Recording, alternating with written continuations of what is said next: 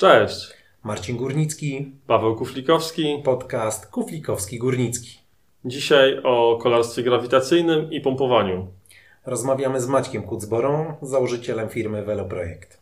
Maciekiem, który przeszedł bardzo długą drogę, jeśli chodzi o kolarstwo. Zaczęło się od e, four-crossów, e, najbardziej górzystej miejscówce w Polsce, czyli Białymstoku. Ale jeszcze wcześniej było cross country, jak u wielu.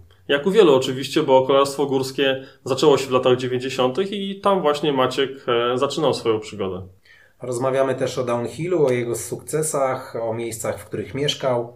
Tak, o tym, że kolarstwo e, mocno wyciągnęło go w świat, bo miał parę lat, e, można powiedzieć, na emigracji. No i rozmawiamy też już po raz kolejny w naszym podcaście o rowerach elektrycznych i o tym, jak to coraz więcej rowerzystów przybywa. I o bezpieczeństwie, bo jak pump traki, to oczywiście w kasku. Zapraszamy do rozmowy z Maćkiem Kucborą.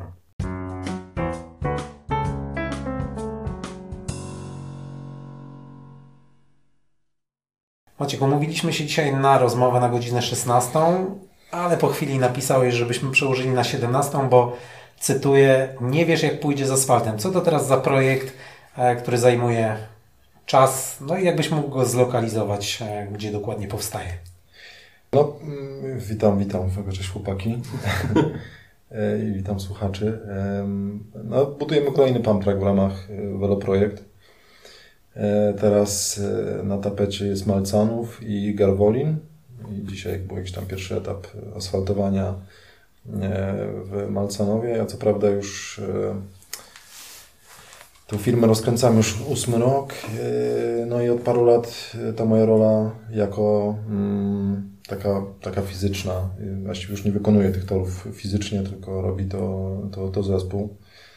Mm, Więc e, ja tylko tak naprawdę uczestniczę w, w takim momencie, kiedy sprawdzamy shape tak zwany, testujemy go, e, dosypujemy ewentualnie tu i tam, żeby ten pump track działał jak najlepiej, no i e, e, staram się być na tych asfaltach, e, bo jest to taki proces no, bardzo trudny, mimo upływu lat i 80 tam, czy 90 torów zrobionych, to e, jest to, jest to po prostu takie, takie dosyć odpowiedzialny, odpowiedzialny moment w całym tym procesie mm, tworzenia tego, takich obiektów. Nie? No Właśnie, bo widziałem ostatnio na, na którymś z Waszych fanpage, czy na tych Waszych wpisów, wpisów na fanpage'u, e, pojawiła się informacja, że asfalt e, jest nakładany ręcznie. Czyli to, jakby to jest nadal jakby taka manufaktura, ten, ten pump, tak? To nie jest tak, że e, idziecie z szablonu, nie? No nadal i mam nadzieję, że tak zostanie. Jakby, no nie wyobrażam sobie, że to może być zastąpione przez jakąś, jakąkolwiek maszynę. Nie? Na, na ścieżce rowerowej czy na drodze asfalt jest rozkładany przez rozściełacz, a na tak skomplikowanych e, kształtach, jakie ma pump track, e, na bandach, na muldach, no to musi być to rozkładane ręcznie. Nie? Także mm, przede wszystkim asfalt się właśnie rozkłada, nie, roz, nie wylewa, jak niektórzy mówią. No to jest taka forma posklejonego kruszywa, które Mhm. się zagęszcza i rozprowadza gracami. No i e, no tak, tak, jest to, e, jest to taki, jak mówiłem, proces taki, mm, którego się bardzo długo uczyliśmy i, e, no i wymaga ogromnego doświadczenia. Mhm. A to jest tak, że e, można powiedzieć, że z tego, że robicie to ręcznie, nie ma dwóch takich samych pump tracków? Bo elementy wydają się powtarzalne, prawda? Czy bandy, czy, czy któreś tam elementy. No tak, tak. tak. E, jeśli robi się to ręcznie, nie ma, nie ma szablonu, to co, nie ma dwóch takich samych pump tracków? Nie, no absolutnie nie ma. Każda, każda przeszkoda, nawet, ym, nawet tak samo narysowana, jest trochę inna. Ym, To wynika z tego, że te, te, te, każdą muldę i bandę testujemy na rowerze. E, Poza tym wychodzi spod ręki, więc nie, nie spod jakiejś tam obrabiarki czy, czy Mhm. maszyny. E, Są pamtraki modułowe, które są e, szablonem i one są zawsze identyczne. E, Mimo, no ja nie jestem fanem akurat tego produktu, wydaje mi się, że jest to fajne, fajny produkt, jeżeli chodzi o, promo, o promocję pump tracka. Czy co tymczasowo rozstawić gdzieś, Tak. pojeździć, a potem... W formie takiej tymczasowej to ma sens. Jest to pewnie potrzebne, natomiast w formie takiej permanentnej jest to niebezpieczne przede wszystkim, bo jest za wąskie, jest, y, ma te ściany takie, nie jest Mhm. obsypane ziemią, więc szczególnie dla dzieci to jest po prostu taki trochę z, y, wypadnięcie przepaść wręcz, nie? Z Mhm. 50 centymetrów na płaskie i mm, no myśmy, myśmy to, ten temat liznęli, bo robiliśmy kiedyś pump track e, ze sklejki i go sprzedaliśmy, ale, ale zdecydowanie nie jest to moim zdaniem dobry kierunek, ale taki eventowy jak, jak najbardziej. Także wracając do Twojego pytania, to tak, każdy track jest unikatowy i, e, no i chyba to jest w tym właściwie piękne, nie? że e, Manufaktura. taka trochę koronkowa robota, nie? bo to każdy centymetr trzeba ugłaskać, zagnieszczarką, potem łopatą, trzeba dopilnować e, tej jakości, żeby to się wszystko Mhm. pozamykało i było trwałe. Nie? Czy to wszystko zaczyna się od rysunku, ołówka, szkicu? Tak, tak, tak. Czy obliczeń? Obliczeń tak, no jakby wychodzimy od tego, że dostajemy działkę, która y, ma określoną pojemność, nie? czyli na etapie samej ewaluacji y, pojemności działki, czy wychodzimy od y, obszaru, który jest zagospodarowania, na podstawie którego obliczamy długość pump tracka, z tego wynika budżet, y, no i jakieś tam potem parametry typu ilość zakrętów, ilość przeszkód, ilość prostych Mhm. y, i, i tak dalej. Veloprojekt ma 8 lat, tak? Tak. Ile pump tracków e, powstało spod Waszej ręki i łopaty? No już nie liczymy tak dokładnie, ale ostatnio liczyłem to było 80 kilka, ale myślę, że teraz jest 90 pewnie. Mm, Torów y, różnej długości, to jest, jakby liczę w sztukach, ale to się liczy bardziej pewnie metrach bieżących, bo przeciętnie pump tracki mają około, mm, myślę, średnio około 150 metrów bieżących jezdnych. Mhm. Yy, Teraz robi się je trochę dłuższe, co wynika z tego, że temat się popularyzuje i mm, To jest większe zainteresowanie, po prostu pewnie trzeba większą pojemność. Dokładnie, szybko się wyczerpuje. Na przykład pump track 100-metrowy kilkukrotnie rozbudowywaliśmy, doklejaliśmy kolejne pętle, ponieważ był za mały. Na przykład na warszawskiej Woli był taki, e, była taka sytuacja, że właśnie ten tor był malutki, więc 200-metrowa pętla została przyklejona do tej 100-metrowej, powstał 300-metrowy. I to już ma jakąś sensowną pojemność, jest podział na poziomy. E, Natomiast tak, tych pump tracków zrobiliśmy już e, masę i, e, no i mam wrażenie, że to się nie kończy. A ten pump track w, w kaputach? Największy w Polsce? Tak, tak. E, To to jest największy. Bo tam jest 450 chyba metrów, tak? Jeśli dobrze kojarzę. Wiesz co, ja teraz już nie pamiętam. Myślę, że coś koło tego, bo też robiliśmy, było 200 i potem było Tam on 340. powiększany był, z tego co pamiętam. Tak, ma bliżej 500 mam wrażenie, nie? Chyba nie jest największy, ja zresztą nie śledzę, bo to moim zdaniem nie jest istotne, Mhm. czy kto, kto tam zrobił największy i... Tam, Ranking najdłuższych pump tracków w kraju. No, to ma służyć e, społeczeństwu, dzieciakom i ma cieszyć. Mam wrażenie, że ważniejsza jest ta funkcja, czyli nam, e, my idziemy w tym kierunku, żeby te pump tracki no, były wielopoziomowe, czyli żeby były odseparowane pętle dla dzieciaków, dla średnio za- zaawansowanych i tych najbardziej zaawansowanych. No i faktycznie ten w kaputach e, spełnia te założenia. E, Teraz oddaliśmy latem obiekt w Rawiczu, który z kolei ma centralnie umieszczoną skate plazę, czyli mm, ten obiekt dla, dla, dla deskorolek i, I hulajnóg pewnie. i hulajnóg teraz. Mhm. Niestety, niestety. E, także no te, fa, mi się wydaje, że to w fajnym kierunku idzie i jakby my czujemy, że to powinno iść w kierunku właśnie jak największej liczby urządzeń, ale jednocześnie żeby było zaprojektowane w taki sposób najbardziej bezpieczny, czyli od, odse, odseparowywanie tych linii jest, e, jest kluczowe. No. Kiedy pojawił się pomysł, żeby e, pójść biznesowo, pójść zawodowo w tym kierunku? To kurczę, bardzo długa już, bardzo długa historia, bo e, ja mm, zainteresowałem się tym, tym tematem e, myślę, że ponad 10 lat temu, jak e, pump tracków jeszcze właściwie w Polsce nie było. I pierwszym pump trackiem, e, którego zrobiłem, był pump track w Dirt Parku, który, który prowadziłem z, To był ziemny pump track z pewnie. kolegami. Tak, tak. Tam w Warszawie pod dachem. Tak, tak, tak. Tam tutaj na skrze. I to i od tego się właściwie zaczęło. Wtedy nikt nie wiedział, jak się buduje pump tracki. Ja, ja, ja w sumie też, tylko tam gdzieś podglądałem na jakichś amerykańskich stronach, jak to, jak- jak to się robi, mniej więcej, jakie mm, są podstawowe założenia i parametry, żeby ten rower się nie klinował, Mhm. żeby można było z, zrobić te, te hopki i jak, jak zrobić odpowiednią bandę o odpowiednim promieniu. Nie? I później dostawałem zlecenia na festiwale rowerowe, żeby mm, takie pamtraki robić pod, pod takie ściganki eventowe, nie? czyli tam na przykład na Joyride. E, Ale też ziemne, tak? też ziemne. Później przyszło jakieś zapytanie z, z jakiejś gminy z Warmii, mm, ale już w takiej formie trochę bardziej mm, oficjalnej, czyli to, do, do, żeby to takie zlecenie wykonać, musiałem to uprawomocnić. A ponieważ nie wiedziałem, jak to zrobić, e, spotkałem się ze swoim znajomym Konradem, który jest od tamtego czasu moim wspólnikiem.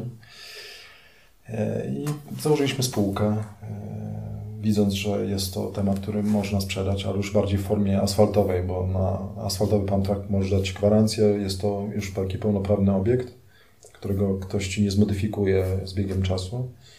E, no i w ten sposób to się zaczęło, po prostu z jakiegoś tam naturalnego zapotrzebowania rynkowego i, mm, no i takiej naszej pasji. On, Konrad też no jakby wyczuł tutaj to to też niesamowite, że to jest gość, który wtedy miał, e, jego żona była w ciąży, e, on, on miał stabilną pracę, a mimo to postanowił mhm. spróbować robić pump tracki, które były jakąś egzotyką. To w ogóle nikt nie no wiedział, no tak, tak. że to może być mhm. biznes, czy praca, czy, czy to w ogóle wyjdzie, nie wyjdzie, ale po, no, tam takiego czasu działamy razem. Nie? Wszystkie pump tracki, które zbudowaliście, do dziś funkcjonują? Czy, czy jest... E, Z tego co wiem, tak. No, tam jakieś te, te pierwsze, które byliśmy, faktycznie nie przetrwały może... E, te ziemne nie przetrwały, tak? Te, nie, jakiś tam asfaltowy robiliśmy taki... E, ten jeden z pierwszych to nie za dobrze się zachował, ale no to siłą rzeczy, no bo stan wiedzy na, w, tam, w owym czasie, jeżeli chodzi o technologię rozkładania asfaltu chociażby, to, to teraz, w ogóle próg wejścia teraz w mm -hmm. a kiedyś, to jest y, jakaś kompletna przepaść. Kiedyś, teraz wchodzisz na Instagram, na YouTube'a, wszystko jest jak na tacy, czyli czym się zagęszcza, jak się zagęszcza, jakich narzędzi się używa. Cała wiedza w internecie. Wszystko jest. Wtedy mhm. naprawdę nie było nic. Myśmy mhm. Co nie wiedzieli, czym to zagęścić. Tak, tak. W ogóle masa, masa eksperymentów, e, no, dużo błędów, dużo, dużo kasy jakby straconej, no, dużo czasu poświęconego no, na, na taki rozwój, nie? Taką na naukę. A kiedy taki boom w Polsce nastąpił na jazdę na pump tracku i jak to wyglądało na początku? Czy to było tak, że wy, nie wiem, wysyłaliście do różnych podmiotów ofertę swoją, że możecie coś takiego zbudować? No bo podejrzewam, że teraz to, nie wiem, wójtowie, sołtysi i tak dalej, i tak dalej e, wiedzą już, czym jest pump track, widzą to, nie wiem, w sąsiednich gminach, e, powiatach i sami do Was e, się odzywają. To jest trochę tak jak to, taka trochę zaraza, nie? czyli mm, to widać w internecie, że to jest popularne, to widać w każdej gminie, w której e, powstaje Pamtrak, że e, no, zainteresowanie jest ogromne, że te, te dzieciaki wręcz się wysypują z tego toru. I to rzeczywiście żyje, nie? To rzeczywiście żyje i to jest widać potrzebne. E, a przy tym to jest po prostu stosunkowo tania inwestycja, na przykład w porównaniu do skateparku czy boiska, nie? bo to kosztuje powiedzmy od tam 200-300 tysięcy wzwyż, a nie od miliona, dwóch wzwyż. Mhm. No Więc, e, tak. No ja ostatnio byłem na takiej konferencji, gdzie głównie rozmawialiśmy o infrastrukturze rowerowej w Polsce. I tam była, padła informacja oficjalna, taka no, pewna, e, zszokowała mnie wręcz. Kilogram, e, przepraszam, kilometr e, ścieżki rowerowej, czyli drogi dla rowerów dzisiaj, zgodnie ze wszystkimi wytycznymi, kosztuje 4 miliony złotych. Kilometr? Jeden kilometr drogi dla rowerów. Mhm. Gdzie, gdzie pump track, no to jest wydatek, myślę, że tak strzelam, pewnie mały kilkuset tysięcy, nie? Takiej średniej wielkości pump track. No teraz liczy się około 2,5 do 3 tysięcy za metr. Za metr, okej. Okay. No, no właśnie. No to pewnie podobna kasa. Nie? No to gdyby robić DDR-y w, w myśl tych pump tracków, to wychodziłoby, jak rozumiem, 2,5 miliona, a nie. Było ostatnio gdzieś opublikowali przecież zdjęcie e, tak, ścieżki rowerowej, ścieżki. takiej pofalowanej, która wyglądała jak pump track. Znaczy, no to jest ta sławna, ona też właśnie na tej konferencji była pokazywana jako antyprzykład. E. To jest DDR wybudowany wzdłuż e, najnowszego odcinka S7 tutaj koło Warszawy. Tak, tak, tak. I opowiadał o tym gość, który pojechał tam, żeby jakby udowodnić wadliwość tej, tej, tej ścieżki, czy tej drogi dla rowerów. Pojechał tam z dzieckiem w foteliku rowerowym. No i tym dzieckiem po prostu jak na pump tracku, nie?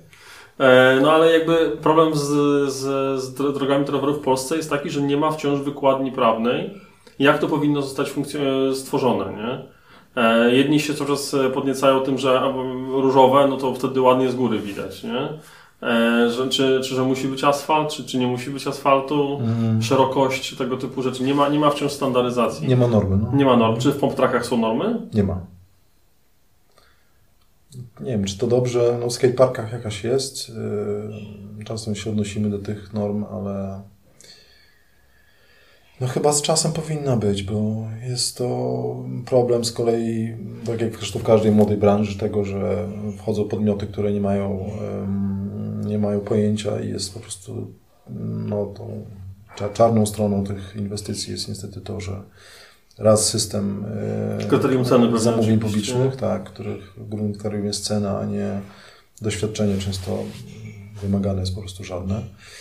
No i powstają takie buble, które mają po prostu parametry, mm, które nie pozwalają na bezpieczne, no, no w ogóle na jakąkolwiek zabawę, nie? Pewnie widzieliście nieraz takie tam, tam to jak Busku Zdrój, Mhm. jest dobrym przykładem, gdzie te bandy mają 20 centymetrów i no to, to wygląda pokracznie i nie ma prawa działać. Świadczy o tym, że tworzą to ludzie, którzy nie jeżdżą na rowerach, nie rozumieją jak, jaka jest kinematyka tego, tego obiektu, jak to, jak to w ogóle działa. Nie testowali tego. Ja tu No mogę tak. przywołać, e, już kiedyś na, w którejś z rozmów tutaj o tym opowiadałem. E, Kiedyś rozmawiałem z Piotrkiem Kurczabem z Glassensis e, i z Markiem Janikowskim powiedzieli właśnie, że to jest tak, że oni jako fundacja nadzorują i, i jakby utrzymują te, te wszystkie single tam w Kotlinie Kłodzkiej. E, Natomiast no, wykonawcy, no to gmina robi konkurs i tak jak mówisz, no, kryterium ceny i czasami są wykonawcy, którzy przyjeżdżają, robią to tak jak gdzieś tam zobaczyli na planie, gdzieś tam wysypują, po czym Piotrek jako jakby osoba nadzorująca gdzieś tam odbiera to, wsiada na rower, no i, no i z bandy wylatuje na przykład i mówi, no ale przepraszam, no, proszę pana, no, to nie jest banda, bo to nie trzyma, e, nie spełnia praw fizyki po prostu dla roweru. No jak to nie? Gość wsiada i sobie powolutku po lewej stronie wewnętrzną przejeżdża. Przecież przejechałem, nie? No i jakby zaczyna się dyskusja, zaczynają się poprawiania i tak dalej, więc jakby przynajmniej na poziomie tej infrastruktury, tych single tracków przynajmniej, e, dzisiaj jest coraz więcej firm, które już jakby wiedzą to, bo wi- wiele popełniło błędy, wciągnęli wnioski i to ta budowa lepiej idzie, nie? No, Tak. No ale tu też można jakby rozgraniczyć, no bo Maciek jest, jest y, byłym, jest albo aktualnym zawodnikiem, który, który ma swoje doświadczenia i przede wszystkim to, co robisz teraz, to wyszło z pasji, tak? Gorzej jest właśnie to, o czym rozmawiamy, kiedy ktoś po prostu, brzydko mówiąc, poczuł pieniądz, że to jest popularne, że można w ten sposób zarobić i kompletnie jest jakby niezwiązany z jazdą na rowerze i stwierdził, że będzie budował czy pump tracki, czy single tracki i potem są takie babole. no tak, tak, tak. Tak, a, te- a też czasem problem jest dużo głębszy już na poziomie projektu, bo często to jest, e, z reguły, z reguły to jest wybudowane na, w procedurze zaprojektuj i wybuduj, czyli mm, wygrywając przetarg my musimy zaprojektować i wybudować to, co zaprojektujemy, a czasem to jest procedura rozdzielona, gdzie e, projektant, który e, mm, jest, daje wkładkę do przetargu w postaci projektu budowlanego, zrobił to bardzo źle i wykonawca musi to wykonać w ten sposób. My mm, czasem przystępujemy do takich postępowań i mm, wytykamy błędy projektowe, korygujemy je trochę no, w naszym rozumieniu, a no, generalnie ratujemy ten Mhm. ta, ta, taki obiekt, bo gdyby to było wybudowane zgodnie z, z rysunkiem e, nieudolnego architekta, no to byłaby katastrofa. Nie? Także no, to jest takie zawiłe, ale to takie są chyba detale już no, zaawansowane dosyć. Powiedziałeś Maciek o 80-90 e, wykonanych pump tracków w trakcie mm, tego, jak Veloprojekt jest, jest na rynku. Gdzie oprócz Polski e, budowaliście? No bo, bo to nie tylko mm, Polska. Mm, Zaczęło się w ogóle od, e, od projektu na Cyprze. Tam powstał jeden, jeden pantrak jeszcze tuż, tuż po założeniu e, Veloprojekt, ale to było jeszcze zbudowane z piasku i to był w ogóle śmieszny projekt, bo pantrak powstał na pustyni, jakim, na, na wyschniętym takim jeziorze e, słonym. E, Jest do dzisiaj? Podobno jest, tak, bo gadaliśmy tam z, z tym kolegą i, istnieje. No, natomiast e, później, e, jak zaczęliśmy budować, no to, to była Słowacja, kilka razy tam z Filipem Polcem działamy, Mhm. jako taki podwykonawca, można powiedzieć.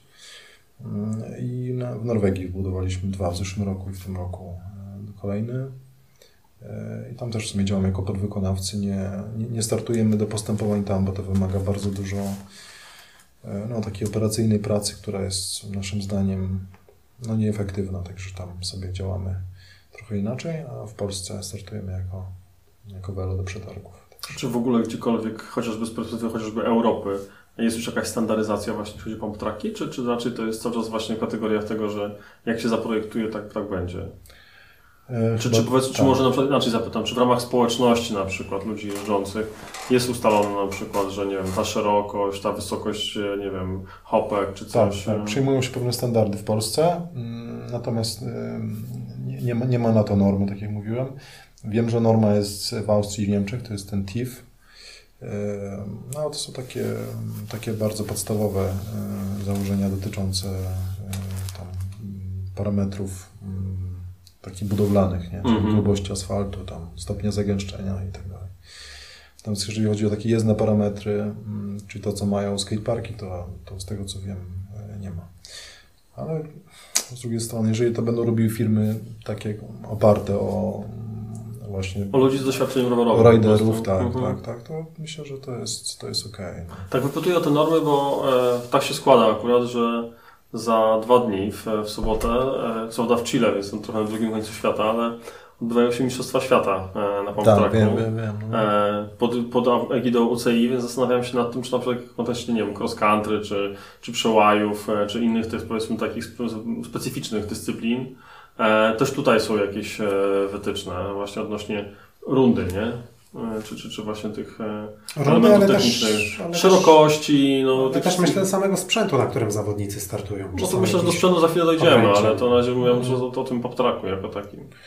Szczerze mówiąc, nic mi o tym nie wiadomo, bo jakoś tak e, ba- bardzo nie śledzę e, te, te, tego pucharu. Jest to, te, te w ogóle te, te, te, ten- sekret Bulla i te Mistrzostwa Świata są trochę, bardzo, trochę oparte o, o obiekty Velo Solutions. Mhm.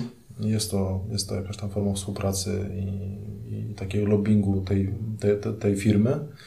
Mm, Natomiast y, no, wszystkie pantraki na, na, w Europie wyglądają trochę podobnie, czyli mają, mają około 2 metrów szerokości, podobne promienie zakrętów. Mhm. No jakby nie, nie ukrywamy, że podglądamy się wzajemnie, testujemy różne rozwiązania i to ten, ten standard powstaje niejako naturalnie. Nie? No, a jeżeli chodzi o te, o te zawody, to yy, super sprawa, bo to też świadczy o tym, że yy, temat się, się przyjmuje i jest to też doskonała forma promocji pump jako takiego.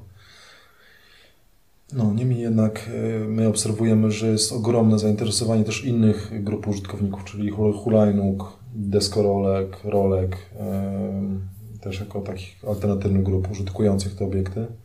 No i z myślą też o tych grupach my to, my to tworzymy, więc e, to, że jest pump track, e, mistrzostwo, mistrzostwa świata na rowerze, Mhm. pump tracku, nie znaczy, że to jakoś nie będzie ewoluowało długo w jakąś tam w kierunku na przykład hulajnogi, która wiem, że teraz jest y, drugim po rowerze jakimś tam najbardziej aspirującym y, sportem wśród y, kilku takich najważniejszych, naj, naj, najmłodszych grup wiekowych. Mhm. No i to świadczy o tym, że czy nam się to podoba, czy nie, bo mi się to podoba średnio, ale to, to tak zawsze było, nie? Kiedyś była taka e, animozja między tam BMX-em a MTB, jak weszło, weszły dirtówki, nie? Że te grupy się nie lubiły. Teraz e, hejtuje się te hulajnogi, ale wiemy, że na to nie mamy wpływu. No, po prostu to jest nowe pokolenie, które... Tak, to wybrało i Tak. jakby to musimy zaakceptować. To jakby nie No. zmusimy ich do jazdy na rowerze czy na deskorolce. Dokładnie, także... Także jakby nie, jakby nie patrzeć, to jest jakaś tam przyszłość, nawet chłopaki. My robimy często takie imprezy mm, otwierające nasze obiekty i tam Filip z Iwem przyjeżdżają na e, uczyć te dzieci jeździć na rowerach, a tam 40 gości na hulajnogach i dwóch na rowerach na przykład. No i taka jest rzeczywistość w niektórych miastach. Nie? No, poza tym e, myślę, że to, tak jak mówiłeś, no, większość e, infrastruktury dzisiaj tej pump trackowej powstaje w średnich i małych miejscowościach. Tak się akurat składa. E, więc e, no, koszt zakupu hulajnogi versus koszt zakupu Tak, tak, tak. roweru, e, jeśli mówimy o specyficznym rowerze pod pump track, e, no to jest, to jest duża różnica. Więc, więc to myślę, że to jest też ten element, który no, w pewnym sensie wygrywa, nie? element ekonomiczny tutaj. No, też mody. Ale wiesz, no, z drugiej strony na przykład kask też nie jest drogi, a jak, jak pewnie wiecie i obserwujecie, to jest jakiś tam główny problem, e, który obserwujemy, że e, dzieciaki jeżdżą kompletnie, kompletnie nikt nie jeździ w kaskach. No właśnie, jak to zmienić? Cały czas się nad tym zastanawiamy. To jest. Bo tablice są, prawda? Zawsze w kasku Tak, i tak. tak dalej. Regulamin zawsze też jest jakiś tam powieszony, więc chyba te informacje się pojawiają, prawda? To jest jakiś głęboko zakorzeniony problem społeczny, nie? taki wynikający z jakichś takich przekonań pewnie rodziców, że to jest niepotrzebne, że kasku tylko może w górach, to ci zawodnicy jeżdżą w tych kaskach, ale tak na ulicy to już nic nie może stać. E, No ale nie rozumiem czemu na przykład ni- nikt nie rozumie tego, albo nikt z, z tych rodziców, których obserwuję, których dzieci jeżdżą na, na pamtrakach bez kasku, że e, nie ma, e, że taki rodzic nie ma wyobraźni, co się może Tak. wydarzyć na, na, na, betonie, tak? Na, Tak, na tak, tak, tak, dokładnie, Jest chwila. No, w narciarstwie jakby doszło do, do rewolucji. Tak. Teraz mamy, prawda, nawet w Polsce już od kilku lat prawny przykaz, że do 16 roku życia w kasku. Słyszałem, że gdzieś tam jakieś dyskusje o tym idą w Polsce, żeby też prawo wymuszało właśnie dla hulajnóg, dla, e, dla rowerów, właśnie dla dzieci do 16 roku życia obowiązek korzystania z kasku. No. Nic więcej nie możemy zrobić, chyba nic tylko czekać na to, żeby ten przepis wszedł, wszedł w życie, bo Mhm. E, My chyba kogo mogliśmy, to już przekonaliśmy albo no, wykorzystaliśmy te wszystkie szanse. Sam, sam byłem ostatnio, no nie tak, nie tak ostatnio, ale nie tak dawno z, z córką na pump tracku na Kazurze. No i też, no, powiedziałbym, że byliśmy w mniejszości jeżdżąc w kaskach, nie? Więc e, to jest problem. No ja jakiś czas temu na pump tracku na Gocławiu e, wziąłem grupkę czterech chłopaczków, nie wiem, myślę, że z 13 lat, 12, trzech bez kasku, jeden w kasku. Jechał, wyskoczył na chopce, wywrócił się, leżał tam, zwijał się z bólu, już myślał, że jest połamany cały. Pomogłem mu wstać, wszystko ok. No i tych trzech też podeszło i tak tylko wymownie mu powiedziałem, słuchaj, zobacz, co by było, gdybyś nie miał kasku jak twoi koledzy. No i widziałem, że złapała go jakaś refleksja, no bo to tak naprawdę jest moment, tak? Mhm. E, Ale, ale to jest to, co właśnie Paweł powiedział. E, Za każdym razem, jak jestem na pump tracku, czy to sam, czy, czy z moim synem, to jestem przerażony, jak e, dużo dzieciaków jeździ bez i właśnie świadkami są rodzice, którzy albo w telefonie, albo nawet gdzieś tam, nie wiem, robią zdjęcia, dopingują te dzieci, ale w ogóle nie zdają sobie sprawy, co się może z- zdarzyć, tak? Możesz, wiesz, no źle najechać na, na chopkę, możesz, nie wiem, źle bandę pojechać i też się wywrócić. Dużo się rzeczy może tam wydarzyć. tak Coś może w. Ciebie wjechać, to no, Tak. jest Twojej winy, nie? Czy nawet w dzisiejszych czasach, jakby po tych popandemicznych, gdzie ten rower rzeczywiście wszedł na wyższy poziom, jeśli chodzi o zainteresowanie w ogóle Polaków, natężenie ruchu na drogach dla rowerów, na, jakby wszędzie jakby tych rowerów jest dużo więcej, więc e, no, już abstrahując od tak, tak, takich jakby specyficznych rzeczy jak pump tracki, nie? po prostu ten kask się przydaje, bo naprawdę może chronić życie, nie? w zwykłym poruszaniu się po mieście. No chyba to jednak ro- rodzice w głównej mierze są tutaj mm, Wzorem. wzorem i jakby są Albo antyprzykładem, winni, niestety. No, antyprzykładem, tak, bo no, widzę moje dzieciaki no, nie ruszają się na rower bez kasku, po prostu już miały to zabronione, a już teraz mają drukowane wręcz, nie? Mhm. I no chyba tak mam nadzieję zostanie, ale mm, no, To co zrobić, żeby uświadomić innych, uświadomić tych rodziców, którzy właśnie patrzą na swoje dzieciaki na pump tracku i a nawet nie tylko na pump tracku, ale też, nie wiem, poruszających się nawet po mieście, po ulicach, po ścieżkach rowerowych. Chyba tylko mówić o tym. My planujemy jakąś taką e, szerzej zakrojoną akcję eventowo-edukacyjną, która będzie o tym mówiła. No, pracę o podstawie. No, wasz podcast jest też dobrą okazją. No, przy każdej okazji trzeba o tym mówić i No, rozmawiać z w, ludźmi. w każdym odcinku ten temat poruszamy, Tak. e, żeby to zawsze wybrzmiało, nie? że po prostu zawsze w kasku. No. Temat, temat jest stary jak rowery, nie? Chyba. Ale ty jak zaczynałeś, zaczynałeś od razu w kasku, czy to dopiero później e, przyszło? No fakt, fakt, że ja też tam te błędy popełniałem. Ja pamiętam nawet e, gdzieś teraz e, w internecie pewnie jeszcze jest ten film. E, chyba nazywa się Biały, Dirt Białystok e, 97 2002, coś takiego.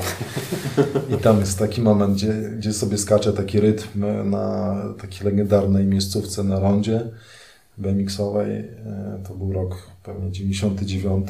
Właśnie takiej czapeczce radiostacji bez kasku i, i robię takiego skorpiona. Mam całą twarz zdartą. Oj, No, ale to były też inne czasy wtedy, prawda? No tak, tak, ale ja musiałem się o tym przekonać na Na własnej skórze. Nie? Tak, no. No, to- ale też jakby do, do, dostępność jakby wtedy też e, wszystkiego była inna, nie? I tak mi się wydaje, że no, No, kaski już wtedy były, ale też jeszcze nie, nie było, nie było czymś powszechnym, nawet wśród osób właśnie, jak, jak mówisz, no, aktywnie jeżdżących, nie? Nie pamiętam, na pewno rodzice mi nie- o tym nie, nie przypomnieli. No, to jest fakt. Ja pod, pod koniec lat 90. pamiętam sytuację z, z kolegami, szliśmy na rower sobie tu w Warszawie pojeździć. Jeden kolega miał kask, miał przekazane od rodziców, że ma jeździć w kasku, no to wychodził z domu w kasku, odjeżdżał kawałek i kask tam na kierownicy do plecaka czy gdzieś i, i le, dalej leciliśmy, nie? No na pewno dużą rolę tu gra, gra, odgrywają autorytety, nie? Czy na przykład, y, nie wiem, czy bracia Godziek, czy sam Pilgrim jeżdżą w kasku. No jeżdżą, no ale o tym ty- trzeba ich pokazywać, czy może są jacyś nowi idole, które, które, których teraz nie znamy, które, e, które dzieciaki śledzą. No nie wiem, pewnie tak. No tak powiedziałeś o tych idolach i zacząłem zastanawiać się, czy na przykład jak ja zaczynałem jeździć i pierwszy film, który obejrzałem, e, taki ekstremalny, czyli New World Disorder, wtedy piątka i byłem oczarowany tym filmem i zastanawiam się, czy tam wszyscy jeździli w kaskach. Wydaje mi się, że ci od zjazdu, od free, freeride'u tak, ci od streetu, tam Aaron Chase, Jeff Lenowski, chyba nie do końca, ale, ale nie jestem pewien. Nie wiem, czy ty pamiętasz. O, myślę, że oni tak, ale zobacz, zobaczcie na przykład na BMX, BMX-owców, oni często jeżdżą bez, nie? Czy też skate jeżdżą e, Mhm. na desce bez kasków. I, no i ja wiem, wiem, wiem jak jest, zwłaszcza w deskorolce, bo jestem tak blisko tego środowiska, ale, ale no mimo to tego nie rozumiem, nie? bo wydaje mi się, że w przypadku ludzi, którzy wchodzą w ten sport, takich dzieciaki, to jest jednak szkodliwe. Nie? I daje, daje zły, zły wzorzec. No. Trudny temat. Trudny temat. Nie, nie, nie, chyba nie, nie znajdziemy dzisiaj rozwiązania. Nie? Wspomniałeś o braciach Godzik, no to muszę spytać, jak, jak wrażenia po Rampage'u, który niedawno się odbył. No pełen szacun, naprawdę, tak jak dobrze oni, to nazwali, Igrzyska Śmierci po prostu. Przejazd Szymka był, był, był naprawdę w tym roku, zrobił na mnie piorunujące wrażenie. E, No uwielbiam ten event, faktycznie podziwiam, podziwiam gości, bo to jest e, igranie ze śmiercią trochę i e, taki freeride na najwyższym poziomie, nie? Także czat, nie? Wyobrażasz siebie sobie na takiej trasie? Już nie mówię nawet o próbach jakichkolwiek sztuczek, ale chociażby, żeby e, z tymi skokami, z tymi, z tymi stromiznami e, się zmierzyć? Nie, nie, to chyba jest, jest to jakiś specyficzny mindset. Ja generalnie jakieś takie mam, od kiedy mam dzieciaki, e, albo nie wiem, już z racji może no jakoś tam, im, im człowiek starszy, tym może troszkę te, te, ta skłonność do ryzyka jest mniejsza, ale zdecydowanie nie, nie byłbym skłonny do takiego ryzyka. Wiem, że Szymek ma córkę, ale No tak, no, jest to było dość elektryzujące, bo tak naprawdę jego żona i córka Tak. stały na dole na mecie, nie? Więc tak naprawdę, no, na szczęście nic się złego nie wydarzyło, prawda? Nigdy się na, na Rampage'u w sumie nic- niczego złego, tak tragicznego nie wydarzyło, ale, ale no, można sobie wyobrazić sytuację, że coś nie, nie, nie gra i, i nagle tutaj rodzina na dole i, no i rozpacz, nie? Ja E, myślę, że tam serce to wychodzi z piersi. No, po- pojawiły się te nagrania potem z przejazdu z, z kamery, z, już e, bez, bez, bez dźwięku, tylko samym, można powiedzieć, oddechem. Tam słychać, że tam to tętno to tam naprawdę na maksimum wchodzi, mimo że to jest zjazd, a nie, a nie, a nie, a nie podjazd, nie?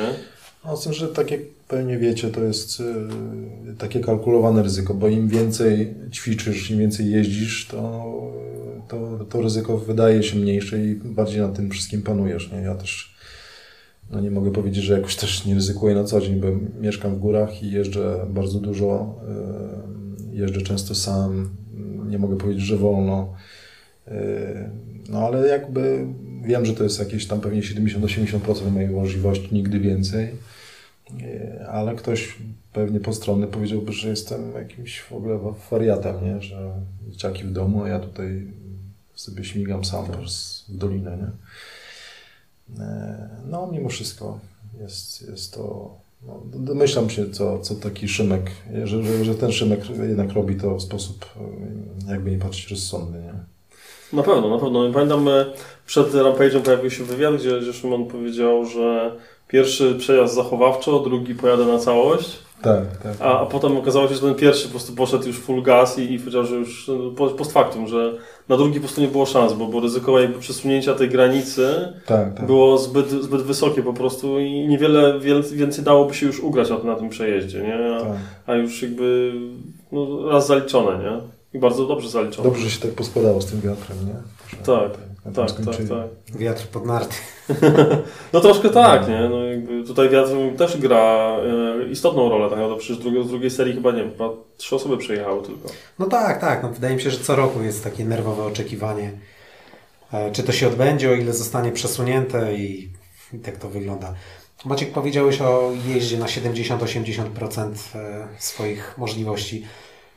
Czy to właśnie dlatego, że z tyłu głowy masz gdzieś, że, że rodzina, że dzieci, czy na przykład to, że gdyby jakiś e, wypadek, gdyby jakaś kontuzja, to na przykład nie mógłbyś e, aktualnie pracować, mimo że powiedziałeś, że już raczej tą stroną fizyczną e, budowy pump tracków się nie zajmujesz. Wiesz co, chyba zawsze miałem tak, taki, taką rezerwę. Mm, No nawet to, że ja na przykład nigdy się nie połamałem, a nie wiem, startowałem w, nie wiem, w, pewnie w 200 imprezach, jeżdżę już 20 kilka lat i, i nigdy nie miałem nic złamanego, nie miałem jakiejś takiej poważnej kontuzji. Może świadczyć o tym, że chyba jakoś tam w miarę ostrożnie jeżdżę. No to Mm. powiem Ci, że to ciekawe, no bo jesteś zawodnikiem, który ile miał koszulek mistrzowskich? No kilka było. No, No kilka tak. było i mówisz tutaj o, o jakimś tam zapasie, to jest naprawdę No właśnie. e, zaskakujące. Nie, nie wiem jak to działa. Może właśnie nie miałem już takiej sposobności, żeby wbijać się na jakiś wyższy poziom i ryzykować więcej. Mm, No zawsze gdzieś tam jakieś inne obowiązki były, ale e, no ale chyba tak jest, że niektórzy jakoś tak się często rozwalają, niektórzy w ogóle, nie? Tak, także nie wiem z czego to wynika. Mm, Pamiętam, że jakby nie mogłem e, się- na przykład Szymek Styrżysty jest taką, był taką osobą, która, która kurczę miała tyle kontuzji takich ciężkich Mhm. tak się ocierał o, o jakieś takie kalectwo wręcz. Nie, nie, nie mogliśmy zrozumieć, rozpracować z czego to wynika. Czy to jest pech po prostu, Mhm. czy, czy jakaś, jakaś inna skłonność. No nie potrafię na to odpowiedzieć, ale tak po prostu. Mam nadzieję, że tak pozostanie.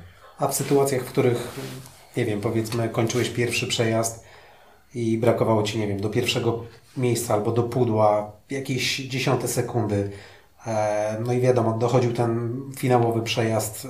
Wtedy też nie szedłeś pełnym ogniem, nie odkręcałeś tej manetki e, na maksa? Też wtedy właśnie e, gdzieś e, odpuszczałeś? Hmm. Ciężko powiedzieć, bo co, to, to tak naprawdę dobre przejazdy, bo teraz, teraz dawno się nie ścigałem. Ostatnio miałem okazję po długiej, dłuższej przerwie wystartować w Mistrzostwach Polski Enduro teraz w sierpniu. No jakby na nowo to poczuć i szczerze mówiąc znowu się podjarałem tym ściganiem, bo... To było To nie wychodzi z W człowieka. tym roku była Czarna Tak. Góra? Nie, nie, był Szczerbielsko. A Szczypiasku? No, no, no. E, I to chyba bardziej jest kwestia skupienia i takiego skupienia i po prostu dobrego dnia, nie? że mm, ja na przykład y, skupiam się na tym, żeby jak najpóźniej hamować, y, żeby dokręcać tam, gdzie potrafię, ale no, głó- głównie na tym. Nie? No i wiadomo, jechać swoje w miarę ostrożnie, e, ale ta, ta rezerwa taka, którą sobie zostawiam, e, daje mi też taką możliwość dowiezienia tego, nie? że wiem, że jak pojadę trochę szybciej, to ryzyko podparcia czy przewrócenia się jest dużo większe, więc e, często tak jest, że jak jest już taka, na przykład widzimy w eliminacjach, że jesteśmy bardzo blisko siebie, e, zawodnik, który chce nadrobić e, te stracone sekundy, dużo bardziej, dużo więcej ryzykuje. No i jest tak, jak, jakiś, jakoś, jakiś stopień prawdopodobieństwa, że mu się uda, ale generalnie Często jest to, Często jest tak, płaci że- błędem. tak, że przepłaci to błędem, Tak, tak, tak. To, to kosztuje tylko więcej niż, niż to, co mógłby zyskać. Nie? no, Opowiedziałeś o tych e, późniejszych e, dohamowaniach, o dokręceniu gdzie się da, czyli wychodzi na to, że musiałeś mieć świetne rozeznanie e, tras pewnie. Mm, Tam akurat była taka sytuacja, żeśmy mm, była, e, jednym z OS-ów była Bestyja, która jest now, taką już tam najnowszą trasą bielską e, i w Szczyrku, przepraszam. I myśmy mogli ją testować e, i jakby ćwiczyć tylko przez dwie, dwie albo trzy godziny przed, przed prologiem. Tak, tak, ale ja mówię, wiesz, w kontekście całej Twojej A, całej. kariery, czyli też w zjeździe, prawda? A, no tak, no to zjazd na tym polega, że tak, że generalnie trenujesz tą trasę i faktycznie e, na czym innym to polega niż jazda on-site na zawodach enduro, nie? To jest zupełnie inna para, zupełnie inne ściganie, nie? Tam masz jakby przemyślaną, wybraną linię, jakieś Tak. alternatywne scenariusze. No. Tak, no jakby przy okazji Pucharu Świata chociażby na downhillu, prawda, zawsze widać te, te zdjęcia z treningów, kiedy po prostu wszyscy idą po prostu po tej trasie, oglądanie każdego korzenia, każdego kamienia trochę, nie? Jakby takie wystudiowane trochę to jest, nie? No dokładnie. No jak wiadomo, to, to o czym mówisz, to nie, nie da się zaplanować późnego hamowania na trasie, której nie znasz, nie? którą jedziesz on-site. Zresztą za dużo się nie ścigam on-site, e, nie bardzo to lubię. No może właśnie z tego powodu, że przez całe lata ścigałem się w tym downhillu i, i forecrossie i no, jak ćwiczyliśmy te tory, bo to często było takie wręcz dla nas niemożliwe do, do skoczenia. Pamiętam, myśmy z Wojtkiem Komiszewskim jeździli tam na zawody po Europie i jakieś tam puchary świata zaliczali, no to, to naprawdę my byliśmy na tak, była taka przepaść, jeżeli chodzi o poziom między nami a resztą Europy czy świata, że pewne przeszkody były nie do. Myśmy po prostu nie, nie mieli gdzie tego ćwiczyć. Nie? To, było, to były inne czasy trochę. Nie? Teraz... A mówisz w kontekście, że nie mieliście gdzie tego ćwiczyć, e, dlatego że nie ma takich tras, nie ma takich gór w Polsce, czy... Na przykład odnoszę, odnoszę się tutaj do forecrossu. A, mówisz o forecrossie, okej. My na przykład nie mamy w ogóle tradycji BMX-owej, nie? którą mieli Czesi. W związku z czym samo skakanie, hop e, w, tamty, w tamtych czasach e, no nie było. To nie, nie było dużo ludzi, którzy się w tym specjalizowali. W związku z czym jak jechaliśmy na zawody do Czech, gdzie te hopy były ogromne, no to siłą rzeczy było to coś, co nas wykluczało z rywalizacji. Nie? Mówisz ogromne, to mi się kojarzy z takich dużych przeszkód w Polsce Bikszczawiana, tak? I jeszcze w Bielsku chyba, tam jest Słoneczna Polana, dobrze?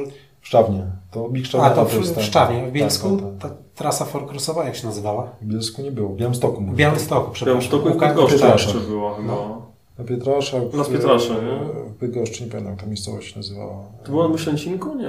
Myślęcinek, tak. Myślęcinek. No to w Białymstoku też była jakaś taka konkretna hopa chyba. nie? Tak, tak. Z tym, że to nie były techniczne przeszkody właśnie. To w, na zawodach BMX-owych czy też z forkrosowych za granicą były te przeszkody były takie bardzo techniczne, czyli podkręcone, krótkie wybicia, ogromna dziura, taka jak ten pokój i takie małe lądowanie, nie? I tam musiałeś sobie skoczyć. To typowo BMX-owe. Natomiast te, te przeszkody, o których mówimy w Polsce, no to one miały wysoko, wysokie lądowanie i nisko, znaczy nisko lądowanie, wysoko wybicie, więc Mhm. tak naprawdę spadałeś, nie? Mhm. Taki trochę drop. No, no, długo do tego dochodziliśmy, ale teraz no, na przykład mamy Sławka Łukasika, który już konkuruje z tą czołówką nie? w końcu, ale mm, no to właśnie wynika z braku tradycji, nie? Jak- jakiegoś takiego. W naszych czasach to, tak jak pewnie Wojtek Wam opowiadam, że no nie było po czym trenować, nie było sprzętu. No sprzęt wtedy dopiero powstało taki Ale też jakby to, to też jakby też dyscypliny jako takie są dość stosunkowo młode, prawda? No, Więc no. to, to jest tak, że no, powiedzmy Zachód się szybciej rozpędzał z wieloma projektami, z wieloma rzeczami. Ale Ale przynajmniej to był BMX, tak? Ale wspomniałeś się, żeby Czechów, nie? Pytanie, dlaczego w, w Czechach tak BMX dobrze zaskoczył i dobrze funkcjonował, a tego u nas nie było, nie? Nie znam genezy, no jakoś to było promowane przez rząd, była kasa na, na, te, na te tory BMX-owe, to samo we Francji czy w innych krajach, tam, które są mocne, na Łotwie chociażby, nie? Łotysze byli... No, zresztą parę lat temu Łotysz zdobył właśnie złoty medal, nie? Tak, w tak, e, BMX to jest chyba racing? Czy, Tak, czy... racing, Tak, tak, tak, tak, tak. tak, tak, no. Z tego bierze się poziom, bo potem dzieciaki nie wiem, w wieku 5 lat już zaczynają trenować te hopy i no i to zresztą to jest coś, co już się dzieje w Polsce. To jest niesamowite, jak to nas sz- szybko zaskoczyło, że e, te, pamiętam, w 13 roku nie było jeszcze żadnych, e, ani jednego kompleksu ścieżkowego w Polsce. Myśmy z ekipą, e, tam między, między innymi od Enduro Trail z Zyzym i z e, Kubą Jąkiszem, Marcin Gmelek, Zemanek. e, Robiliśmy taki kurs budowy tras IMBA Mhm. w Czechach i tuż po tym tak, powstało Veloprojekt, powstało Enduro Trails, powstało tam Super Trail Brothers, e, Bike Universe, wszystkie te firmy powstały rok W oparciu o później. te szkolenia de facto. Tak, to, to... tak, tak, to był taki boom. No i wszystkie te obie- obiekty, które teraz mamy, powstały na, na bazie tej fali właśnie, nie? czy Mhm. też Gracjensis, e, Marek Janikowski też, no. No tak. No, a, a, konsekwencją tego jest to, co na przykład dzieje się w Bielsku. Na przykład na moim podwórku to jest to po prostu piękny widok. Zresztą moja córka uczestniczy w tym, w tych spotkaniach Enduro Princeski. E, Inka ma 5 lat e, i, i, i- tam jest w tej grupie tych princesek, które spotykały się dwa razy w tygodniu i to jest grupa kilkudziesięciu dzieciaków, malutkie, które po tej takiej, w- takiej ef- efektywnej, efektywnej rozgrzewce na polanie jadą w góry i już jeżdżą po górach tak naprawdę. Nie? To jest w ogóle taki czat. No już to, to no fajnie, fajny, fajny, fajny to jest. w No ogóle, tak, zaszczepia się, zaszczepia się od naj, najmłodszych lat tak naprawdę, nawet Tak. zajawkę rowerową, co po prostu już sam fakt tego obcowania z górami i ze zjeżdżaniem, nie? No, to daje jakąś tam nadzieję na przyszłość, że ten poziom będzie w przyszłości dużo, dużo lepszy niż za naszych czasów. Nie? Po prostu. No, ale już same pump tracki to są też e, świetnym wyjściem do tego, żeby Tak. jeździć w górach. I to nie tylko wśród dzieci, tak, ale nawet e, dla osób dorosłych. Dokładnie, dokładnie, tak, tak. Jak tam wracamy na nasze pump tracki po, po jakimś czasie, to obserwujemy właśnie e, takich, jakichś takich najbardziej zaciętych ćwiczących, którzy już jeżdżą na super po prostu poziomie takim umożliwiającym starty w zawodach jakiś pewnie. Orientujesz Tak. się wokół, wokół tych pump tracków, jakby nie wiem, tworzą się jakieś mm, takie bardziej formalne, nie wiem, kluby, stowarzyszenia, coś, coś więcej się dzieje wokół, wokół tego, czy raczej to jest tak, że e, gmina real- realizujecie na zlecenie gminy jakby ten pump track i po prostu jakby to jest zostawione samo sobie, no bo e, jeszcze do, do, do, drugie pytanie, jakby teraz mi przyszło do głowy, e, te pump tracki nie wymagają żadnego serwisowania de facto, Ma- dajecie tylko gwarancję, no i po prostu jeździć, Tak, nie? tak, tak. To nie wymaga żadnej opieki, oprócz koszenia pewnie No wiadomo. podsypywania mm, miejsc, które erodują czasem, nie? E, Natomiast e, no nie przychodzi mi do głowy, nad, m, oprócz Lublina, gdzie tam działa e, Karol Adamczyk, pewnie kilku miejsc jeszcze. Wiem, że Bartek Giemza w Rybniku robi w ogóle Mhm. mhm. Nie zajmujemy się tym szczerze mówiąc, bo to wszystkim się nie można zajmować, ale Jasne. tak, ale to na pewno jest e, no, świetna arena do robienia no, takiego właśnie, czy też biznesu wokół szkoleń, czy po prostu no, jak szkolenia młodzieży. Nie? Także po to to, po to, to powstaje. Łowienie talentów tak naprawdę. No, nie? tak, Za, tak, za, tak. Zarażanie pasją, a potem łowienie talentów. No, No. Nie wiem, czy jedna, jedna rzecz przez pump trackami, ale to już z Marcinem kiedyś prze- przegadywaliśmy ten temat e, e, z perspektywy Warszawy. Dlaczego w, w Warszawie, pewnie popraw mnie, w większości dużych miast tych pump tracków jest jak na lekarstwo. Wiesz co? tych największych miastach. Chyba nie, chyba tak nie jest, wiesz, bo nie wiem, chociażby patrząc na, na naszą mapę obiektów, na naszej stronie tam można sobie zobaczyć, to Warszawa ma największe zagęszczenie. Warszawa i Śląsk. Ciekawe, bo E, właśnie jakby z perspektywy takiej, wiesz, mieszkania gdzieś tam nie, nie tak daleko od centrum, e, no to dla mnie czy dla Marcina, no to zawsze jest wyprawa, żeby szczególnie z naszymi małymi dziećmi też tam się, się bujnąć na, na pump track, bo w Warszawie mamy tak naprawdę Gocław, mamy Wolę i mamy Kazurę, nie? E, plus Kaputy, które są powiedzmy, że satelitą Warszawy, nie? No jeszcze niedawno był track przy moście No tak, no był mały track na, Tak, nad Wisłą, rozmawialiśmy ale to niestety Tak, tak, został on tak. tam zlikwidowany Tak. z jakichś tam niejasnych No przyczyn. tak, jeżeli mówisz o ścisłej Warszawie, to, to niestety tak jest, no bo mm, większość pamtraków jest budowanych y, w ramach budżetów obywatelskich. Mhm. No i chyba, chyba niestety nie przychodzą w tutaj, w- jest, jest większa konkurencja. Poza tym wśród kwestia dostępności terenu jako takiego, nie? No bo też Też. kawał, kawał terenu potrzebny jest do tego. E, wspominałeś, że e, parę lat temu już ładnych sypaliście pump track na skrze. E, no w tej chwili skra wróciła do, do Warszawy, dosyć Mhm. do miasta. Jest już jakby prawie zaakceptowana koncepcja rewitalizacji tego Tak, obiektu, tak, no tak. ale mimo tego, że tam on będzie naprawdę wielofunkcyjny, no to infrastruktury rowerowej się niestety nie, zmieściło nic, nie? A jest przestrzeń. A jest przestrzeń, prawda? Będzie, będzie boisko do rugby, będzie boisko do rzutów, e, będzie basen, boisko piłkarskie, no, będą, będzie masa różnych rzeczy, no ale czegoś tak bardzo łatwego i, i, i mm, z niskim progiem wejścia, nie? Bo już odrzucając e, powiedzmy rowery, mówmy o tych w cudzysłowie przeklętych hulajnogach, nie? Jakby tych dzieciaków na hulajnogach jest cała masa, więc e, Tak. postawienie pump tracka na granicy polu makotowskiego, no to jest po prostu samograj, nie? Ja się, nie, ja się tym o to nie martwię, szczerze mówiąc, bo to jest, y, myślę, że to się stanie prędzej czy później. Ym, No wiem, że tam ekipy walczą. Na Żoliborzu, na Ochocie, Mhm. y, Pola Mokotowskie też były zgłaszane. Także myślę, że kwestia czasu. No, ja Nie? też, też na, za to trzymam mocno kciuki. No. Jak to Maciek wygląda? Pisze ktoś do Was maila na zasadzie chcielibyśmy mieć pump track i wy macie pełną dowolność, e, jeśli chodzi o projekt tego pump tracka, czy zdarzają się, nazwijmy to klienci, którzy piszą, chcielibyśmy, żeby tu była taka prosta, tu taka przeszkoda, tu taka i żeby to mniej więcej tak wyglądało? Tak, no, na ogół y, zaczyna się generalnie od y, kogoś, od grupy inicjatywnej, czy od człowieka, który inicjuje taki projekt w ramach budżetu. Zgłasza się do nas z pytaniem, jak to zrobić, więc pozyskujemy wspólnie informacje z miasta, czy też on pozyskuje mapę, którą my, y, na podstawie której my możemy zewaluować daną działkę i y, oszacować budżet na bazie długości tego obiektu. A później takie parametry jak e, to, czy ma być, e, to już działka trochę determinuje, czy to jest obiekt e, pokręcony, bo jest działka ciasna, albo długi, Mhm. bo działka na to pozwala, bo wymusza to, nie? Ale już takie parametry jak e, to, ile by, czy będą na przykład dwie linie hopek, łatwych, trudnych, to już jest kwestia budżetu, no i, i oczywiście przychylamy się do, do, do, do tego, co grupa inicjatywna, czy ten inicjator chciałby tam, tam mieć, nie? Natomiast na ogół to po prostu są obiekty uniwersalne, ym, takie, które ym, jakby nie, my nie, raczej nie chcemy iść w kierunku takiego profesjonalizmu, ym, Mhm. bo wiemy, że to często nie jest najlepsze dla tych, którzy zaczynają ym, swoją przygodę z pump trackiem, czy w ogóle chcą tak sobie potrenować, Mhm, nie? bo mhm. te przeszkody takie selektywne, jakieś ostre, pikujące stoliki mm, są oczywiście fajne dla nas, dla osób, które skaczą, ale czy to jest fajne dla wszystkich, to bym nie powiedział. No, także staramy się tak pośrodkować, jeżeli chodzi o projektowanie. No, u nas pomysłów jest y, co prawda ograniczona ilość, bo track jest trochę tak jak z rowerem, nie? Możesz tam ilość tych modyfikacji e, wprowadzić, czyli, ale to zawsze zamyka się wokół mm, dwóch do pięciu zakrętów i kilku prostych.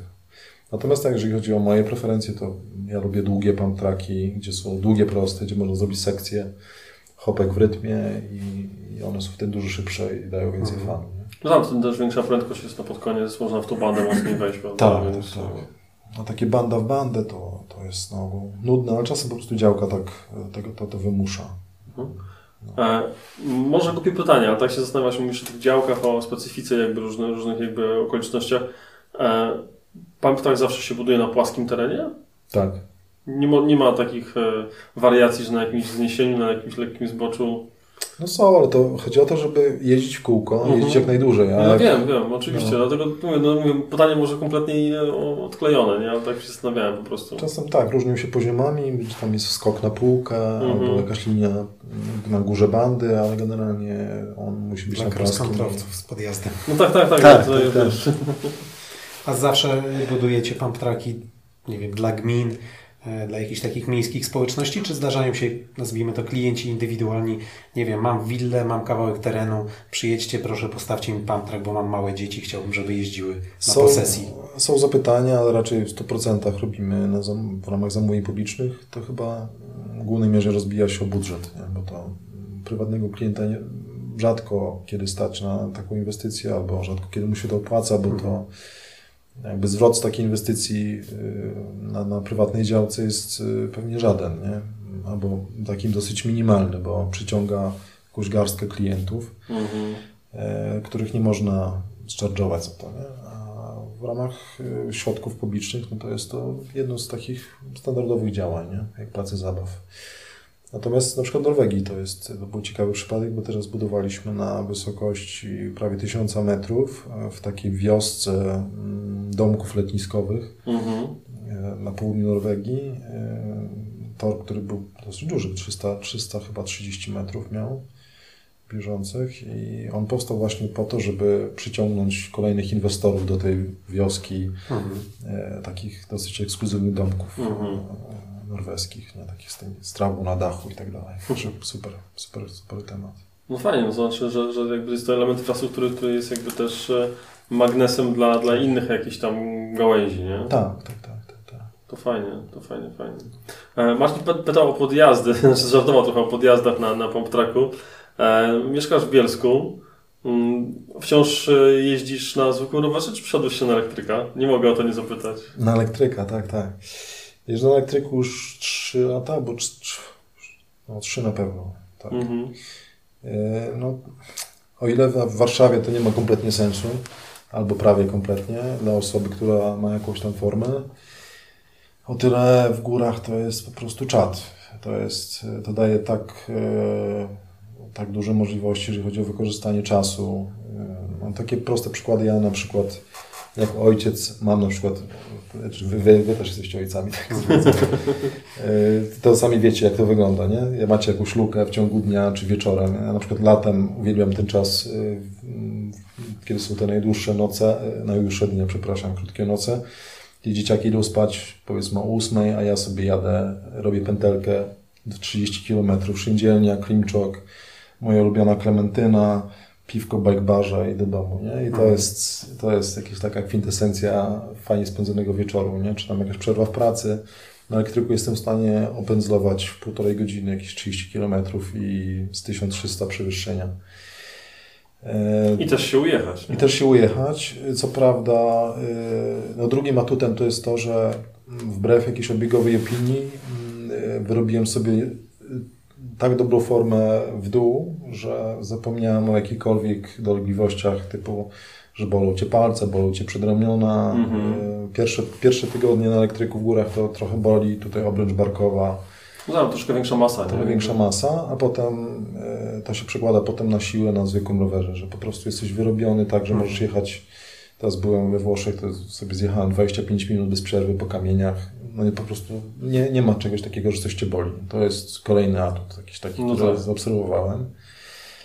A trzeci to jest taki, że tak naprawdę yy, te rowery zjeżdżają często lepiej niż, yy, niż zwykłe rowery, bo to jest cięższe, stabilniejsze. Szersza i- opona. no Często. nie, właśnie to, to zależy w sumie. No to masz myślę, że stabilność akurat to chyba też dużo w jakimś tam odsetku wynika też z tego, że e, już jak jesteś wyćwiczony do tego roweru, no to też jakby z twojej siły, nie? Jako takiej, no bo też ten rower trzeba prowadzić, nie? No jakby Mhm.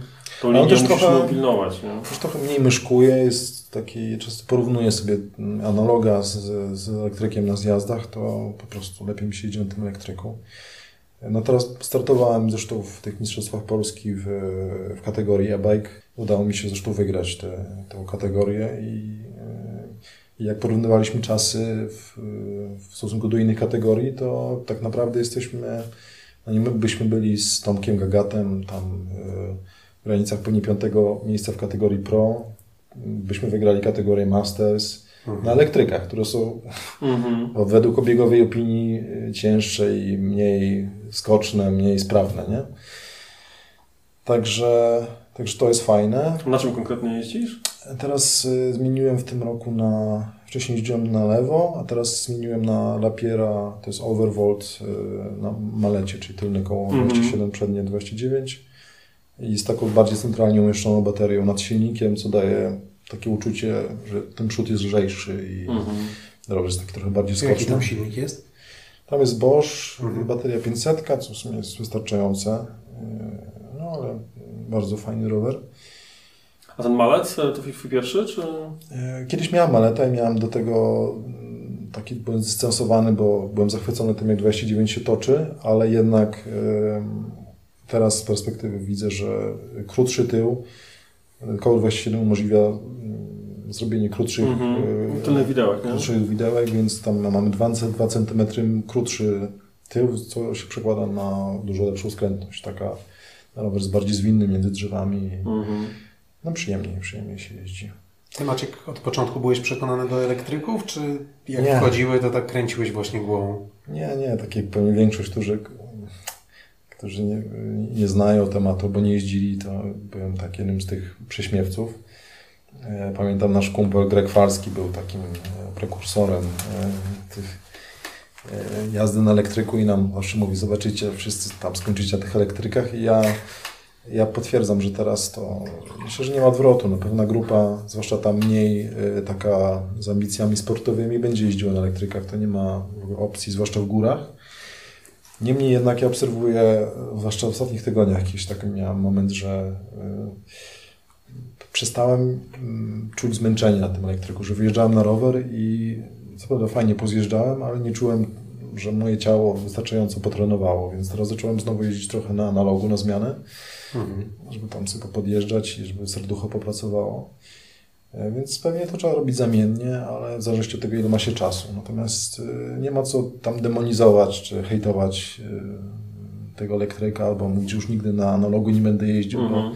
pewnie ja się przekonałem, że to nieprawda. nie? Też mnie ciągnie w kierunku jakichś tam wycieczek czy, czy jazdy na gravelu i też uważam, to jest super, ale akurat mieszkając w Bielsku, przy tej różnorodności tras, które tam mamy, mm, no to jest, no ja po prostu lubię zjeżdżać.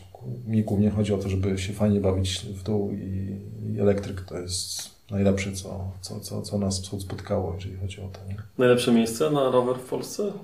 No myślę, że tak, tak, tak, że to jest e, Na rower czy na rower zjazdowy? O tak zapytam. Eee, Kurczę, no z dobre miejsce Powiedziałeś do życia. gravelu. Masz gravela? Tak. I też tam jeździsz w okolicy? Nie.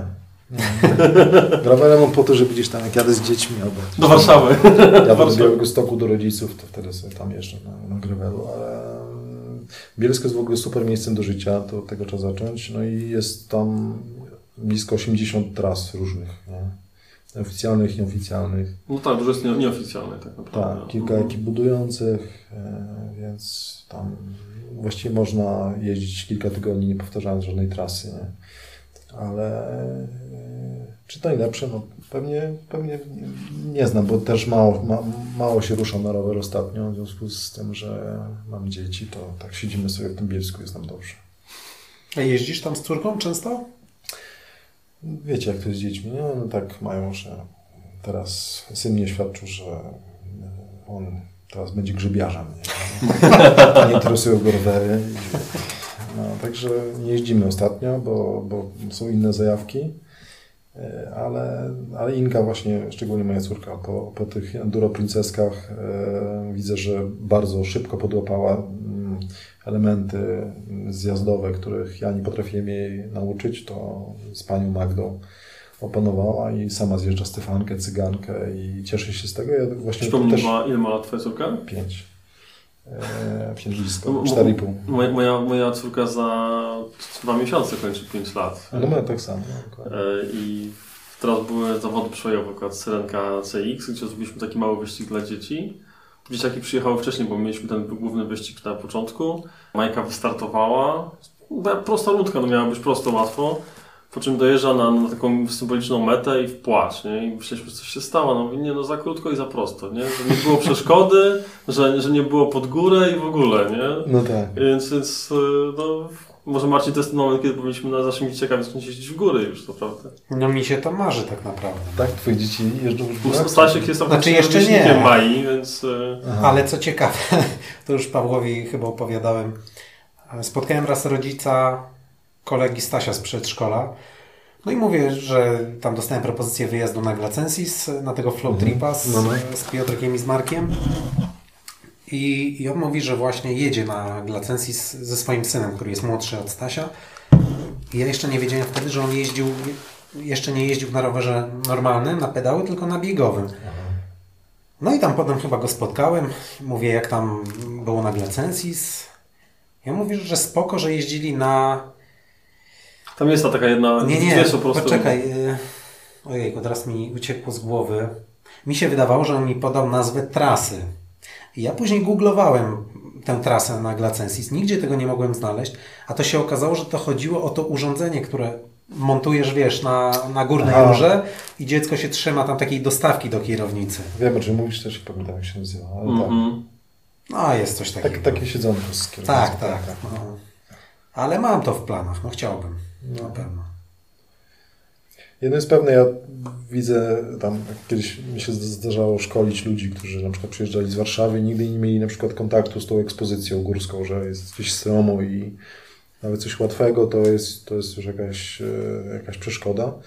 No to wiemy, że już dzieci, które miały z, z tym styczność e, i nauczyły się takich pewnych podstaw, to już im tego, się, im tego nikt nie zabierze, będą jeździły na jakimś tam już trochę lepszym poziomie, więc no absolutnie nie jestem typem rodzica, który tam ciśnie, żeby dziecko się ścigało, bo ja się ścigałem, tylko nie no, abs- absolutnie. To jest- Ogólnorozwojówka tak Ogólnorozwojówka, zwana, nie? To po prostu się bawimy i ten, ale też używam właśnie elektryka po to, żeby wciągać syna, z synem z kolei jeżdżę na Twistera, wciągam go na lince e, na górę i tam zjeżdżamy sobie tego twistera razem i jego to cieszy, bo oczywiście dzieci głównie zniechęca Mhm. taki, taki, taki wysiłek jak podjeżdżanie długo. No tak, Tak, tak. Jest atrakcyjne. monotonne właśnie. więc- No i męczące. No i ma- wymęczące oczywiście, nie? No No. tak, tak. No mój się tak e, trochę nauczył, jak jeździliśmy na pump track na Gocław, gdzie mamy, nie wiem, pewnie z 5 km, że ja bardzo często nawet na- po płaskim odcinku, żeby trochę szybciej jechać, jechałem obok niego, ręka na plecach, Tak. no i go tam popychałem i zauważyłem, że on to zaczął później wykorzystywać. Tu mnie nogi bolą, no nogi bolą, ale okej, dojeżdżamy do pump tracka, on tak, jedzie, jedzie, jedzie. Ja mówię, Stasiu, zjedź na chwilę, zrób sobie przerwę, odpocznij. Nie, ja chcę jeździć. Zaczyna padać deszcz. Mówię, Stasiu, mokro jest, ślisko, już jest niebezpiecznie, odpuść. Nie, ja chcę jeździć. Ale przed chwilą przecież nogi bolały, nie mógł dojechać. No, Dzieci się szybko regenerują, to też trzeba To pamiętać, swoją nie? drogą. Dokładnie, dokładnie. A zdarza Ci się czasami wjeżdżać kolejką? Bardzo rzadko. W związku z tym, że jeżdżę elektrykiem głównie, to, y, to, to nie. Y, No to jest raz, że drogie, Mhm. że po prostu chyba nawet ostatnio wjeżdżałem sobie naszym dzielni z, z tak zwanego buta z całą przyjemnością i, i nie, to jest to, tam właśnie jest dużo fajnych tras w kierunku Klimczoka i tam, tam, tam często jeżdżę. Mhm. Polecam Wam, jakbyście byli, to, to, to zjechać sobie Klementyną, to jest niesamowita y, frajda. nie? Ja byłem w tym roku w Bielsku w czerwcu, też na elektryku Tak? akurat. Miałem jakiś tam rower testowy, akurat Gianta. Ehm, I właśnie z Klimczoka zjeżdżałem, tylko takim bardzo kamienistym zjazdem. Aha. Teraz nie pamiętam dokładnie, tam A na, na Bielsko, na Bielsko zjeżdżałem, na stronę Bielska. Przejechałem jakby z- wzdłuż schroniska i dalej na wprost, jakby taka długa, długa prosta była. Aha. I gdzieś lekko w prawo odbiłem, bo tam miałem metę, gdzie spałem gdzieś dość wysoko, więc tam mi było na rękę tak trochę na azymut. Aha. No, ale takie, takie duże, luźne kamienie się na pewno momencie Aha, porobiły. po że- szlakiem jechałeś, no. E, To, to, to było już tak e, kon, konkretnie. Tam była, tam była jakaś taka droga róża- różańcowa. Mhm. E, takie e, kapliczki stały, więc... e, Okej. A to nie jechałeś na tym elektrycznym gravelu. Miałeś jakiś bardziej... Nie, nie, to był, no, to był Rain, e, więc, więc kawałek porządnego roweru już. No a jak wy postrzegacie właśnie te elektryczne gravele i tego typu wynalazki? Trudne pytanie. Znaczy wiesz, gravele elektryczne typowa nisza u nas, tak? Mhm. I myślę, że dużo musiałoby jeszcze upłynąć e, wody w Wiśle, żeby, żeby to weszło jakoś do mainstreamu. Znaczy, myślę, że z Marcinem to jesteśmy w podobnej sytuacji, akurat nie tylko z dziećmi, e, ale też z elektrykami, bo, bo, bo e, i, i ty masz, twoja Edyta ma jakby elektryka. My akurat nie, nie zainwestowaliśmy, ale już parę razy wyjeżdżaliśmy i Ani wypożyczałem po prostu na miejscu elektryczny, który po prostu no, da, daje możliwość jakby no, wspólnego cieszenia się jakiegoś tam Tak. z, z trasy, niekoniecznie wymagającego aż tak super kondycji. No a w dół, no jakby akurat, e, powiem tak, no Ania, Ania umie zjeżdżać, więc jakby nie mam, nie mam problemu, a, a, a podjazd jakby, no to jest największy, największa bolączka, nie? Więc Tak. tutaj ja wyleję wiadro potu, Ania z uśmiechem wiedzie, a potem ranem, ranem, ranem razem się zsuniemy w dół, nie? Więc... e, Ale myślę, że za granicą są popularne. No tak jak, nie wiem, widziałem na Gran Canaria, kiedy tam byłem, nie wiem, 2-3 lata temu, no, szosy elektryczne, tak? Plus jeszcze teraz przecież są te rowery tak dyskretne, że nie widać gołym okiem, że tam Tak. jest ukryty silnik i Problem bateria. raczej chyba w elektrykach e, szosowych czy gravelowych to jest to ograniczenie, które jest do 25 km na godzinę. I tu jest duży, duży z tym problem, bo tak naprawdę, e, tak jak mówisz, no w Warszawie ten rower elektryczny trochę ma tak bez sensu, no bo e, my tam, będąc powiedzmy jakoś tam regularnie jeżdżącymi, no to wy, wykręcasz to kilkoma 25 żaden wysiłek, obrotami no. korby i, i już masz te 25 na, na, na, na zegarze, więc e, nawet ta osoba, która by jechała z tobą na tym wspomaganym rowerze, no zostaje, nie? Chcąc, nie chcąc. Bo, bo nie może pojechać szybciej, więc, tak, tak. Więc wydaje mi się, że to jest fajne rozwiązanie, ale, ale na niepłaskie tereny, nie? Ja, ja byłem, miałem też elektrycznego gravela, też zresztą na Medomen Gianta akurat w tym roku na testach, e, no to pojechałem akurat wtedy z nim na, na Suwalszczyznę, na, Mhm. na trasę Sudowi Gravel, którą współorganizuję. No to to była super fajna rzecz, bo, bo miałem do objechania jakby jeden z etapów, bo tam mamy tą trasę podzieloną. No tak. E, zapiąłem sobie naj, najmniejsze możliwe wspomaganie. E, no i przejechałem całość. Tętno, czy tam serce zrobiło swoje, bo, bo tam jakby minimalnie pomagało mi tylko w takich sytuacjach już podbramkowych, można powiedzieć. Mhm. E, przejechałem całość, było fajnie.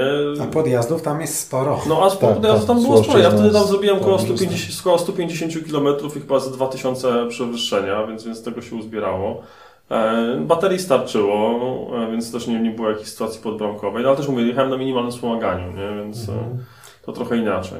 Ale widzisz, z elektrykami jest to, co ty powiedziałeś, tak? Że nie byłeś przekonany, że gdzieś tam się wyśmiewałeś. Ja myślę, że miałem podobnie. Do pierwszego momentu, kiedy dostałem jakiś rower, mm, pojechałem w góry, spróbowałem i stwierdziłem, że kurczę, no to jest w sumie spoko, tak? No Tak. może jeszcze nie jestem na tym etapie, że czuję potrzebę, że ja chciałbym mieć taki rower.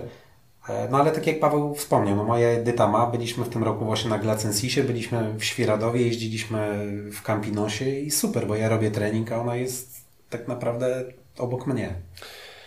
No, dokładnie. A dwa, że zobacz to od strony już czysto gospodarczej, takiej mm, pragmatycznej, że tak powiem, to jest to potężna grupa klientów, którzy wydają pieniądze, kupują rowery, jeżdżą po miejscówkach. E, No, tych klientów by nie było, bo oni nie znaleźliby się w tym sporcie, ponieważ jazda po górach, w ogóle jazda na rowerze jest wysiłkiem, a jazda na elektryku jest po prostu przyjemnością dla ludzi mniej aktywnych i no to po prostu jest biznes i, sprzyja No, generalnie, tak? Dzisiaj z Pawłem chociażby rozmawialiśmy o tym, że jest bardzo duża liczba wypadków e, na rowerach elektrycznych w Mhm. górach. Nie wiem, czy też to Tak. e, zaobserwowałeś. Bo wiesz, no ludzie myślą, że, że to jest proste, tak? Mają rower albo wypożyczają, wjadą do góry, spoko, no ale to trzeba zjechać, tak? No, Kamienie, korzenie, y, strome Sam mówisz, że musiałeś wykonać ileś pracy, żeby wypracować tą siłę do, do operowania tym rowerem elektrycznym, nie? Yy, tak, Jako tak, doświadczony zawodnik. Ale wiecie, no to w parze idzie też powoli, yy, ale jednak idzie infrastruktura, czyli yy, w Szczyrku obserwuję ludzi, którzy wypożyczają rowery i, i zjeżdżają sobie hip-hopą, która jest, no powiedzmy, że jest ok dla takich początkujących osób i to, i to tak powinno mniej więcej wyglądać. To nawet hip-hopa jest trochę za trudna, ale powiedzmy taki twister, czy te trasy na, na, na dole Koziej Górki, no to, to, jest- to jest coś, co idealnie nadaje się dla ludzi, którzy właśnie testują sobie rower e, w górach, nie? Wiesz, to, Hip-hopę na przełaju zjeżdżałem. ale to wiesz, mówisz o, o, o jakby mimo wszystko już jakiejś e, grupie, która ma pewną świadomość e, jazdy na rowerze. Wiesz, jak ja teraz przywołam ten przykład, którego byłem świadkiem akurat e, ponad miesiąc temu. Też dzisiaj o tym rozmawialiśmy z tą Marcinem. E, Byłem w Izerach, e, zjeżdżaliśmy ze stogu izerskiego, akurat na gravelach zjeżdżaliśmy. Bardzo szeroka, prosta, szutrowa, leśna pożarówka. E, I przed nami akurat zjeżdżają 3 czy 4 osoby na elektrykach, ewidentnie tacy, e, tego typu osoby, które stwierdziły, nie będę, nie, nie bierzemy kolejki, weźmiemy sobie elektryki, wjedziemy i zjedziemy sobie. Mm, No i jest szeroka droga, e, no myślę, że tam adrenalina też musiała zrobić swoje, więc spuścili się, złapali jakąś tam prędkość. My na gravelach tam pod 50 się rozpędzaliśmy, więc, więc to, to było już takie konkretne nachylenie. No i na tej drodze nagle jest e, wbity, znaczy w ziemi, z ziemi wystający taki no, sposób spory głaz, no ale taki no, że ciałem to po prostu przepompowujesz w pewnym sensie, nie? Przelatujesz nad tym. Tam jedną z tych dziewczyn po prostu wybiło na tym kamieniu. Bez kasku pewnie. Nie, nie, kaski, Kaski. mieli. Szczęśliwe kaski mieli. Chyba teraz jest tak, że w pożyczalniach chyba wymuszają na to, żeby, żeby te kaski były. No ale wy- wybiło ją na tym kamieniu, nie przesunęła ciężaru, ciężaru ciała, rąbnęła o, o ziemię, pojechała twarzą po ziemi, po prostu tam wodę krew się soczyście polała. Służby zostały wezwane, my zjeżdżaliśmy dalej, już mijał nas patrol GoPro naprawdę na sygnale jadący na górę, nie? Więc jakby mówisz o hip-hopie, o twisterze, a, a tak naprawdę e, osoby często, które właśnie wypożyczają te rowery elektryczne, e, trochę na spontanie można powiedzieć, no okazuje się po prostu, że nie, nie potrafią po prostej drodze zjechać. Nie? Wiadomo, że największym przeciwnikiem e, niedoświadczonego e, kolarza czy rowerzysty jest prędkość, bo my z kolei wiemy, tak mi się przynajmniej wydaje, że jednak ta prędkość to jest raczej z, sprzymierzeniec, bo jak za wolno jedziesz, to łatwiej się wywalić niż, zaczniesz, niż jak jedziesz szybciej, nie? Więc, e, Tak, tak, tak. no a to jest jakby, to są dwa różne światy i dwa mm, punkty odniesienia, nie? No, tak czy inaczej to właśnie musi być po czym jeździć najpierw, a Mhm. sprzęt, no może kwestia jeszcze jakiegoś przypadku, bo teraz też spotkałem na zawodach akurat w Szczyrku ludzi, którzy szli y, w dół y, taką kamienistą drogą, taką po- stoku. Dziewczyna miała sandałki z złotym paseczkiem, y, miała akurat kask, ale jej chłopak pytał, czy tutaj to da się zjechać, czy to jest łatwe, a jechali po prostu drogą, gdzie były, były różne kamienie, gdzie było niebezpiecznie zwyczajnie. Że, że jest hip-hopa, może tym się stoczcie, bo to jest dla rowerów. To tak jak para, którą ostatnio na Rychlewskich ścieżkach spotkałem, gdzieś tam przy tym centrum ich e, stałem z kumplem. coś jedliśmy, podjechał do nas gość i pyta, jak na, na Superflow dotrzeć. No to tam wyjaśniłem mu. Oni tam ruszyli, ja skończyłem mm, tam jeść, jadę i patrzę, jedzie przede mną ta para. Jakoś takim się wcześniej nie przyjrzałem, bez kasków, na jakichś takich naprawdę, no nie nadających się nawet na to Superflow rowerach i tak podjeżdżam, mówię, wiecie co, odpuśćcie, bo tam jest, to, to nie jest łatwa trasa, nie macie kasków, tam są bandy, jakieś korzenie, kamienie, chopki, szybka trasa. Nie, nie, to my tam powoli będziemy jechać. Ja mówię, no ale naprawdę, no szkoda ryzykować, bo może się to źle skończyć. Macie tutaj takie trasy familijne, zapytajcie kogoś, jak tam dojechać. Myślę, że na początek to będzie dużo lepsze rozwiązanie. Ale ja tu pierwszy raz jestem. No i tak stwierdziłem, że Nie nie przekonasz. przegadam. No. No. Pojechałem, życzyłem powodzenia i tyle. No i nie wiem do teraz, czy zjechali, czy nie. No ale wiecie, co, myślę, że wracamy trochę do, do punktu wyjścia tej rozmowy, czyli tych pump tracków tak naprawdę, bo to jest ta, ta ogólnorozwojówka, którą można, można wykonać pod domem, nie? Tak Dokładnie. naprawdę. Taka trochę no, siłownia. Siłownia, trzymanie kierownicy, balansowanie ciałem. Podstawy.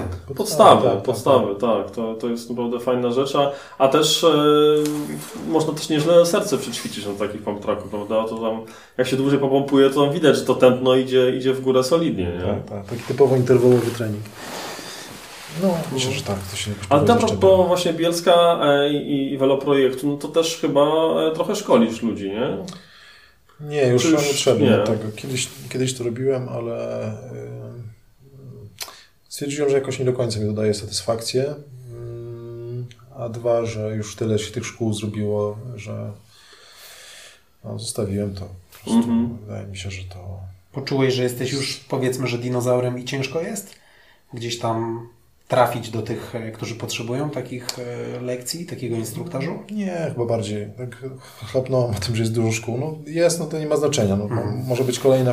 W każdym razie ja nie czuję potrzeby po prostu, żeby nie mam czasu, wolę się skupić na, na rodzinie i no, nie sam sobie pojeździć. Mhm. Bo też y, tak jak gadam z kumplami, którzy szkolą, a teraz robi to co druga osoba wręcz w Bielsku, to, to po prostu też zabija zajawkę. Nie? To jest tak, że ty sam obniżasz swój poziom, bo jeździsz w- wciąż z ludźmi, którzy jeżdżą wolniej od siebie, więc sam wychodzisz na rower i potem, o kurczę, jakoś, jakoś mi nie idzie. Ja jadę jak ci ludzie na szkoleniu. no jest takie, no, ma takie złe strony swoje. Maciek, ja wspomniałem chwilę o Twoich koszulkach. Ty gdzieś tam e, w trakcie rozmowy wspomniałeś o Pucharach Świata i o poważnych imprezach, na które z Diabłem jeździłeś. Powiedz, jak to się zaczęło z Twoją e, racingową zajawką? No bo zanim były pump tracki, był forecross, e, później kolarstwo zjazdowe, teraz enduro na e-bike'u. Po kolei, jak to wszystko e, przebiegało? I jeszcze podkreślimy, e, najbardziej górska miejscówka w Polsce, czy Białystok. Białystok, dokładnie. East Power tak zwany. Yy, tak, tak. No, wywodzę się z Białegostoku. W, zaczęło się od tego, że yy, też jako dzieciak szukałem w ogóle tak trochę swojego miejsca. To w ogóle nie było oczywiste, że będę jeździł na rowerze, bo yy, nawet gadaliśmy o tym ostatnio z kimś, że ja jeździłem na tych rowerach, to mi się zawsze podobało, ale też dzieci tak nie do końca mają, szukają tych swoich kierunków w życiu i, i tej pasji prawdziwej. Ja chyba czułem, że to jest jednak rower, ale nie wiem dlaczego. Poszedłem biegać. W wieku chyba 14 lat poszedłem na stadion biegać. Mam jakiegoś trenera i yy, trenowałem to bieganie. Ale po trzech miesiącach stwierdziłem, że to jest jakaś kurczę, kompletna bzdura. To jest nudne, nic mi to nie daje w sensie takiej satysfakcji. No i wróciłem na ten rower, a tak się złożyło, że były, były zawody organizowane właśnie przez Wojtka Kończewskiego na Pietraszach. Wojtek wykopał takie, ta, taki mini tor e, z bandami. E, Poszedłem, pojechałem na te zawody. e, No jakoś tam nie wygrałem, ale byłem jakoś tam drugi czy trzeci. A na tych zawodach pojawił się trener Wiesław Grabek, trener lokalnego klubu UKS Wygoda, który mnie tam zwerbował. pamięci. Tak, mówi, ty chłop, chłopak masz jakiś dryg do tego, więc przy, przyjedź, przyjedź na trening, tutaj trenujemy cross country i no i tak się zaczęła moja przygoda z, ze ściganiem na rowerach, to był 98 rok, wtedy miałem 15 lat i, mm, i ścigałem się w tym cross country chyba przez jakieś dwa lata, trochę na szosie, ale jednak e, tak jak jeździłem na przykład na zgrupowania z kolegami, no to e, ewidentnie kręciło mnie zjeżdżanie. Ścigaliśmy się w dół po kamieniach w Karpaczu, pamiętam dziś, z kolegą Mrówą i z Maćkiem Grabkiem. Tam też był, wtedy jeszcze mieszkał w Białymstoku. I jakoś tak czułem, że to w tym kierunku idzie. No i wtedy pojawiły się te pierwsze imprezy. Była między innymi Bartycka, mhm. w 2000 chyba roku były zawody jakoś Puchar radiostacji chyba, tak? Puchar radiostacji, tak. Tam Rudy mnie wtedy zwerbował do teamu radiostacji po pierwszich zawodach, bo tam jakoś też mi nieźle poszło. No i tak się wkręciłem właśnie w ten border cross wtedy to był. Jeszcze forkrosu nie było i e, składaliśmy na Pamiętam, nie było forkosówek, więc ja kupiłem od koleżanki z klubu e, ramę Gianta Eskę, na bazie której złożyłem sobie solomówkę tak zwaną, czyli krótki mostek i nisko siodełko, to tyle, mhm. a reszta części była jakoś tam garażowo składana, czyli na przykład korby, e, korby do takiego roweru, żeby łańcuch nie spadł, były takie, że była środkowa zębatka i dwie duże zębatki, które się piłowało, które się spiłowało zęby, żeby stanowiły taki roking, nie? Nie wiem, czy to pewnie pamiętasz, nie? Tak, tak jakieś pierwsze napi napinacze, PM Soho, no pełen po prostu klimat. No to PM Soho to chyba wszyscy wtedy mieli. Wszyscy mieliśmy, nie? E, I co? jakoś tak e, zostało w tym, e, w tym border crossie, potem jakieś imprezy zjazdowe. Chyba już w 2003 udało mi się wygrać Mistrzostwa Polski, czwartym też w Forcrossie. No i już wtedy już tak byłem takim powiedzmy tak poważnie do tego podchodziłem, tak mi się troszkę wydawało, że to jest, y, to jest takie, takie wow, nie? Jeszcze wtedy nie byłem za granicą na zawodach, ale to zostało właśnie, tak jak już wcześniej opowiadałem, szybko zweryfikowane, czyli ten nasz poziom tutaj i te gwiazdorstwo mm, zostało szybko zdegradowane do, po, po pierwszej wizycie gdzieś tam we Francji, gdzie okazało się, gdzie jest, na jakim poziomie tak naprawdę de facto jesteśmy.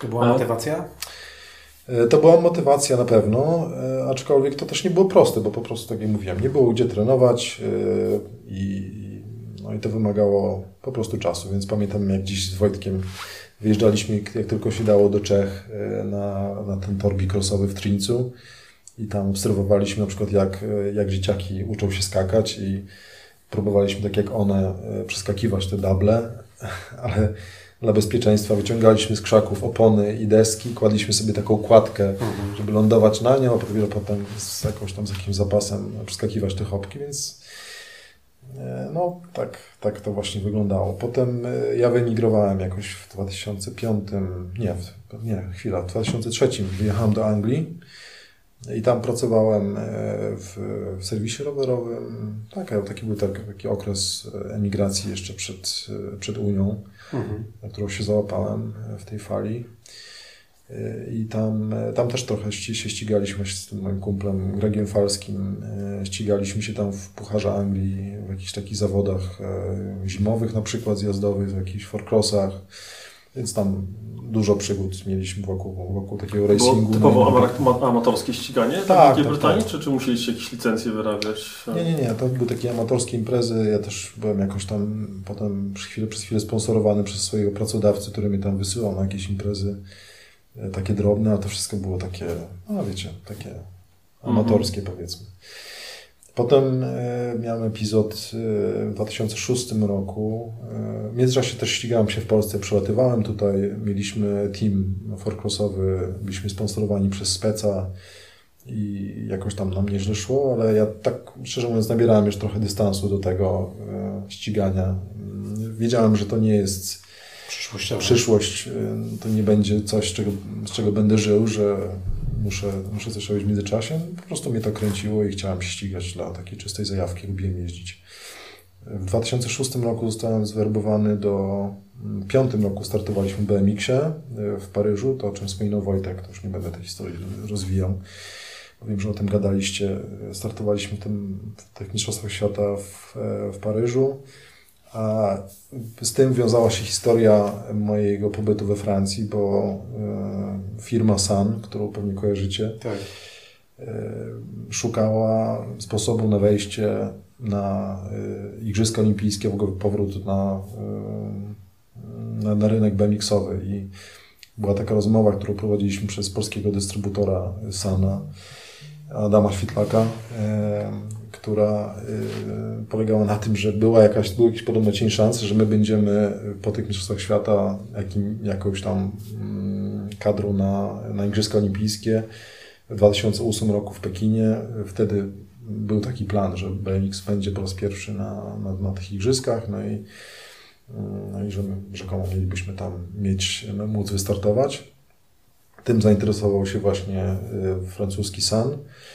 E, szybko okazało się, że z, tego, z tych planów to są plany jakieś takie bardzo mgliste i dalekosiężne, niekonkretne, ale ja powiedziałem, że to jest, y, możemy do tego kiedyś wrócić, ale mnie generalnie interesowałaby współpraca z takim Sanem. No i nawiązałem z nimi kontakt, jeszcze będąc w Londynie. Spotkałem się z, z tym szefostwem e, i, i tą pracę dostałem. E, początkowo miałem być takim e, sprzedawcą na rynek brytyjski rowerów Sun. Sun wtedy zbankrutował. Tak jak pamiętacie, Max Commensal, który potem założył Commensala, położył Sana. Y, marki nie było chyba przez dwa lata. W 2005 roku sam wrócił na rynek i, i próbował y, jakby no, stworzyć nową kolekcję. Jakby faktycznie potem wrócił na ten rynek. Y, ja dostałem pracę w 2006 roku i przeprowadziłem się w Pireneje.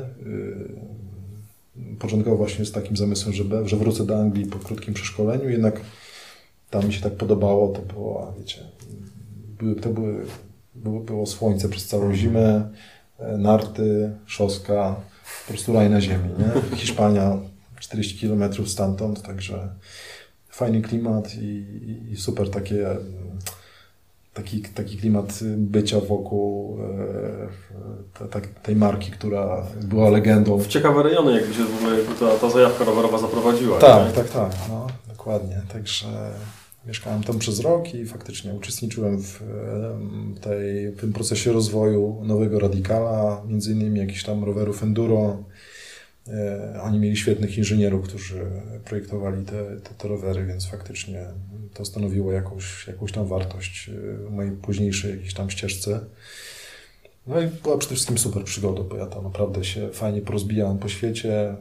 Trochę pojeździłem w Hiszpanii, trochę pojeździłem po tych Pirenejach, więc E, uważam to za, za super czas. Niemniej jednak czułem się tam bardzo samotny i zrezygnowałem jakby z tego, z tego życia na własne, na własne życzenie po roku, bo mieszkałem jednak na prowincji, nie znałem języka. E, tutaj w Polsce trochę mnie ciągnęło do, do, do przyjaciół i znajomych i jakichś tam nowych tematów, więc Dodajmy, że to były też czasy jeszcze bez Facebooka, bez Instagrama. Tak, tak, tak. Raczkującego też... internetu de facto. Tak, nie? tak. Czasy Dehazona właśnie. -hmm. No, pamiętam, byłem moderatorem Dehazona. No właśnie, właśnie. To największe chyba forum e, rowerowe w Polsce w ogóle wtedy było. Tak. To był Dehazon i był Bike no, Action również. Ale chyba Dehazon już nie istnieje. Nie, nie. Już to siadło, nie? No, nie, tak. nie. Ale wtedy było ciekawe, że nie mieliśmy Facebooka, to mieliśmy tylko ten Dehazon. Tak, tak. Tam naprawdę stąd wiedzieliśmy, że są zawody, dzisiaj jest Od stawka. początku można powiedzieć, że internet gdzieś tam łączył ludzi, nie? Tak naprawdę. Tak. No, różne platformy były, powiedzmy, im, im bardziej spojrzymy wstecz, tym więcej jakby tego poziomu wtajemniczenia technologicznego trzeba było mieć, prawda, bo wcześniej był e, IRC, Usenet, potem pojawiły się fora, prawda, więc, więc te, te rzeczy. Dzisiaj no to jest jedno kliknięcie w telefonie, prawda, to już nie, nie wymaga żadnej wiedzy tajemnej. E, no ale tak, no jakby internet łączy ludzi, no na no. pewno. A te wasze starty we Francji, Pucharach Świata, przed tym twoim właśnie jakby okresem emigracyjnym, to były jakoś koordynowane przez nie wiem, Polski Związek Kolarski, finansowane, czy to była raczej wasza, wasza czy waszych rodziców zajawka, inwestycja w was i, i próba jakby rozwoju. Jak pamiętasz te czasy, jak, jak to wyglądało z tej strony formalnej? Mgliście. Pamiętam, że to było raczej y, finansowane y, albo przez klub, y, Wiesław Grabek tam jakoś tam nam pomagał, albo, albo sami to finansowaliśmy. Mhm. Jakieś starty w pucharach. Kilka razy byliśmy na jakichś mistrzostwach, raz chyba z kasy związku byłem w Szwajcarii z Maczkiem Jotko.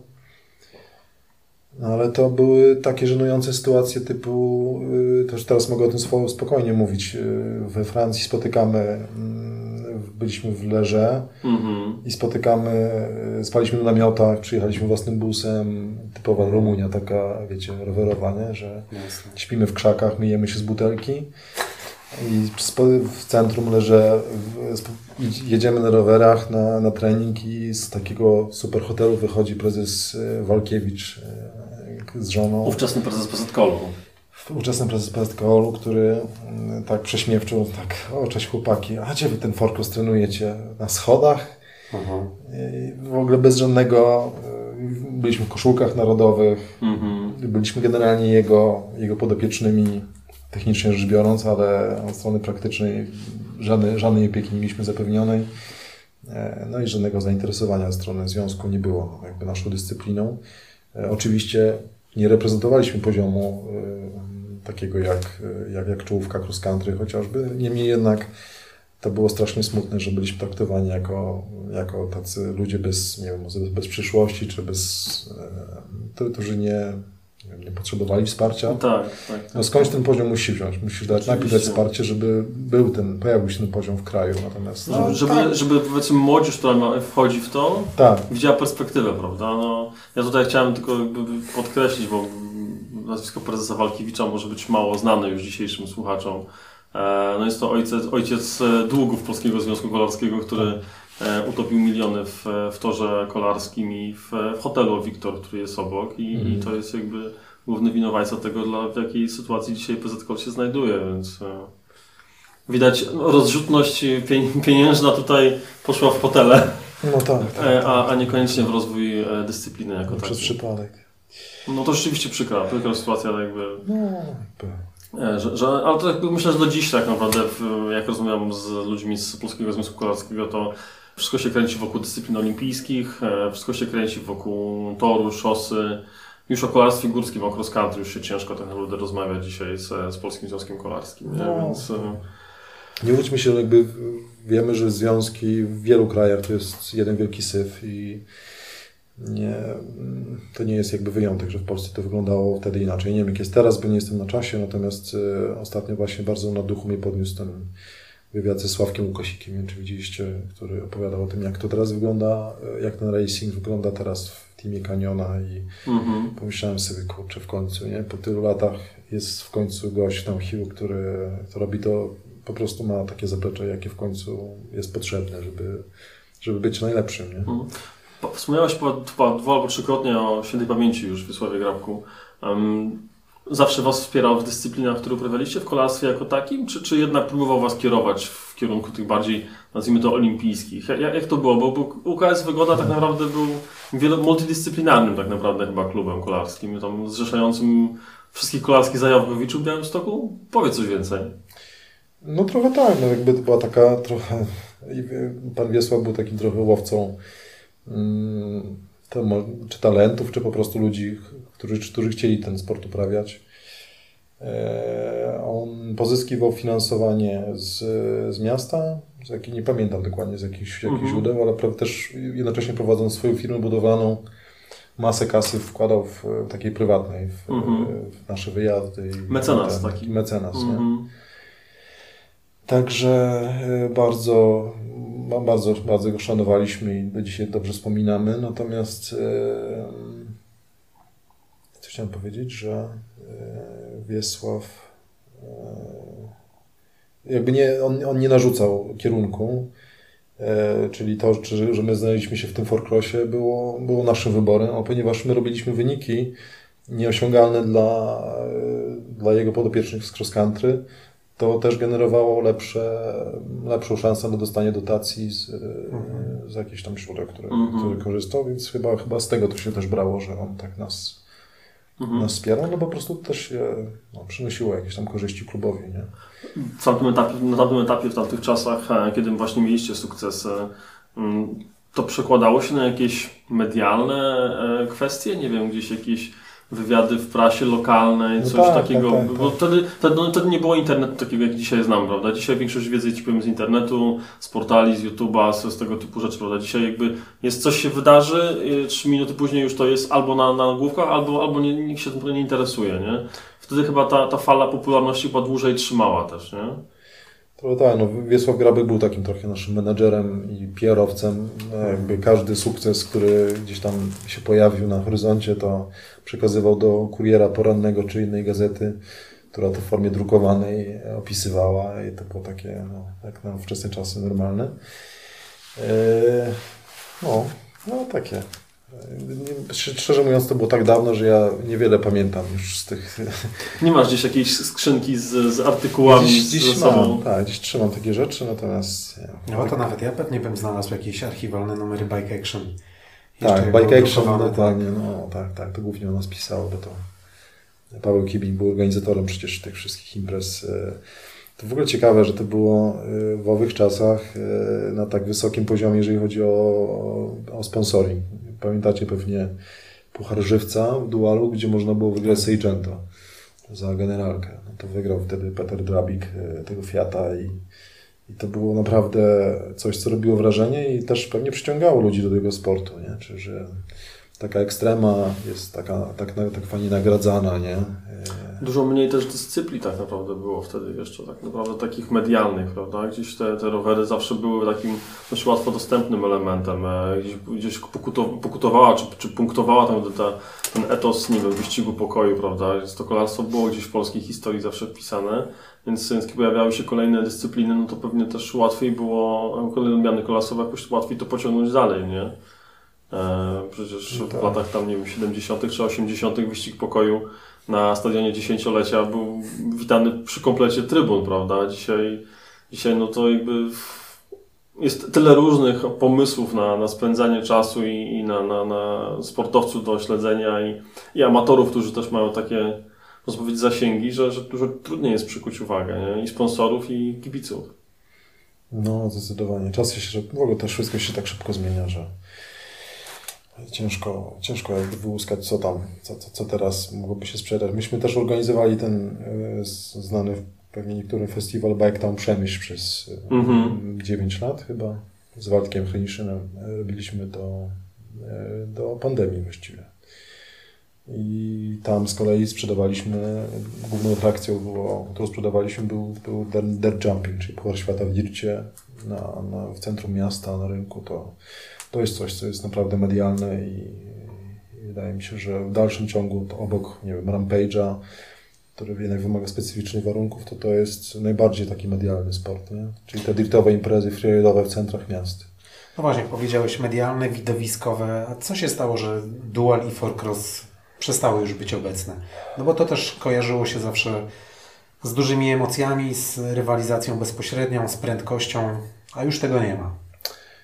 No to był zamierzony mm, taki proces, który y, został mm, jakby wymuszony przez władze UCI, y, ponieważ Forecross był na tyle atrakcyjny medialnie, że zagrażał y, cross country, które było mm, głównym takim oczkiem głowie sponsorów. Zaczęto się wycofywać, nie pamiętam, który to był rok, z tego Forecrossu, mówiąc, że jest to zbyt drogie w organizacji, że y, no, Tak, wymaga nam dedykowanych torów. Wymaga, tak, wymaga mm, zbyt dużo infrastruktury. zaangażowania i, i budżetu.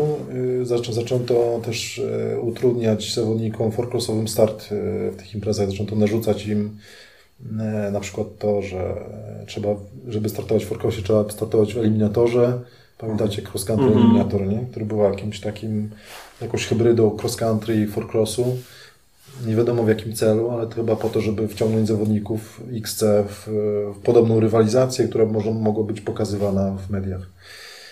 No więc Forkos upadł e, celowo.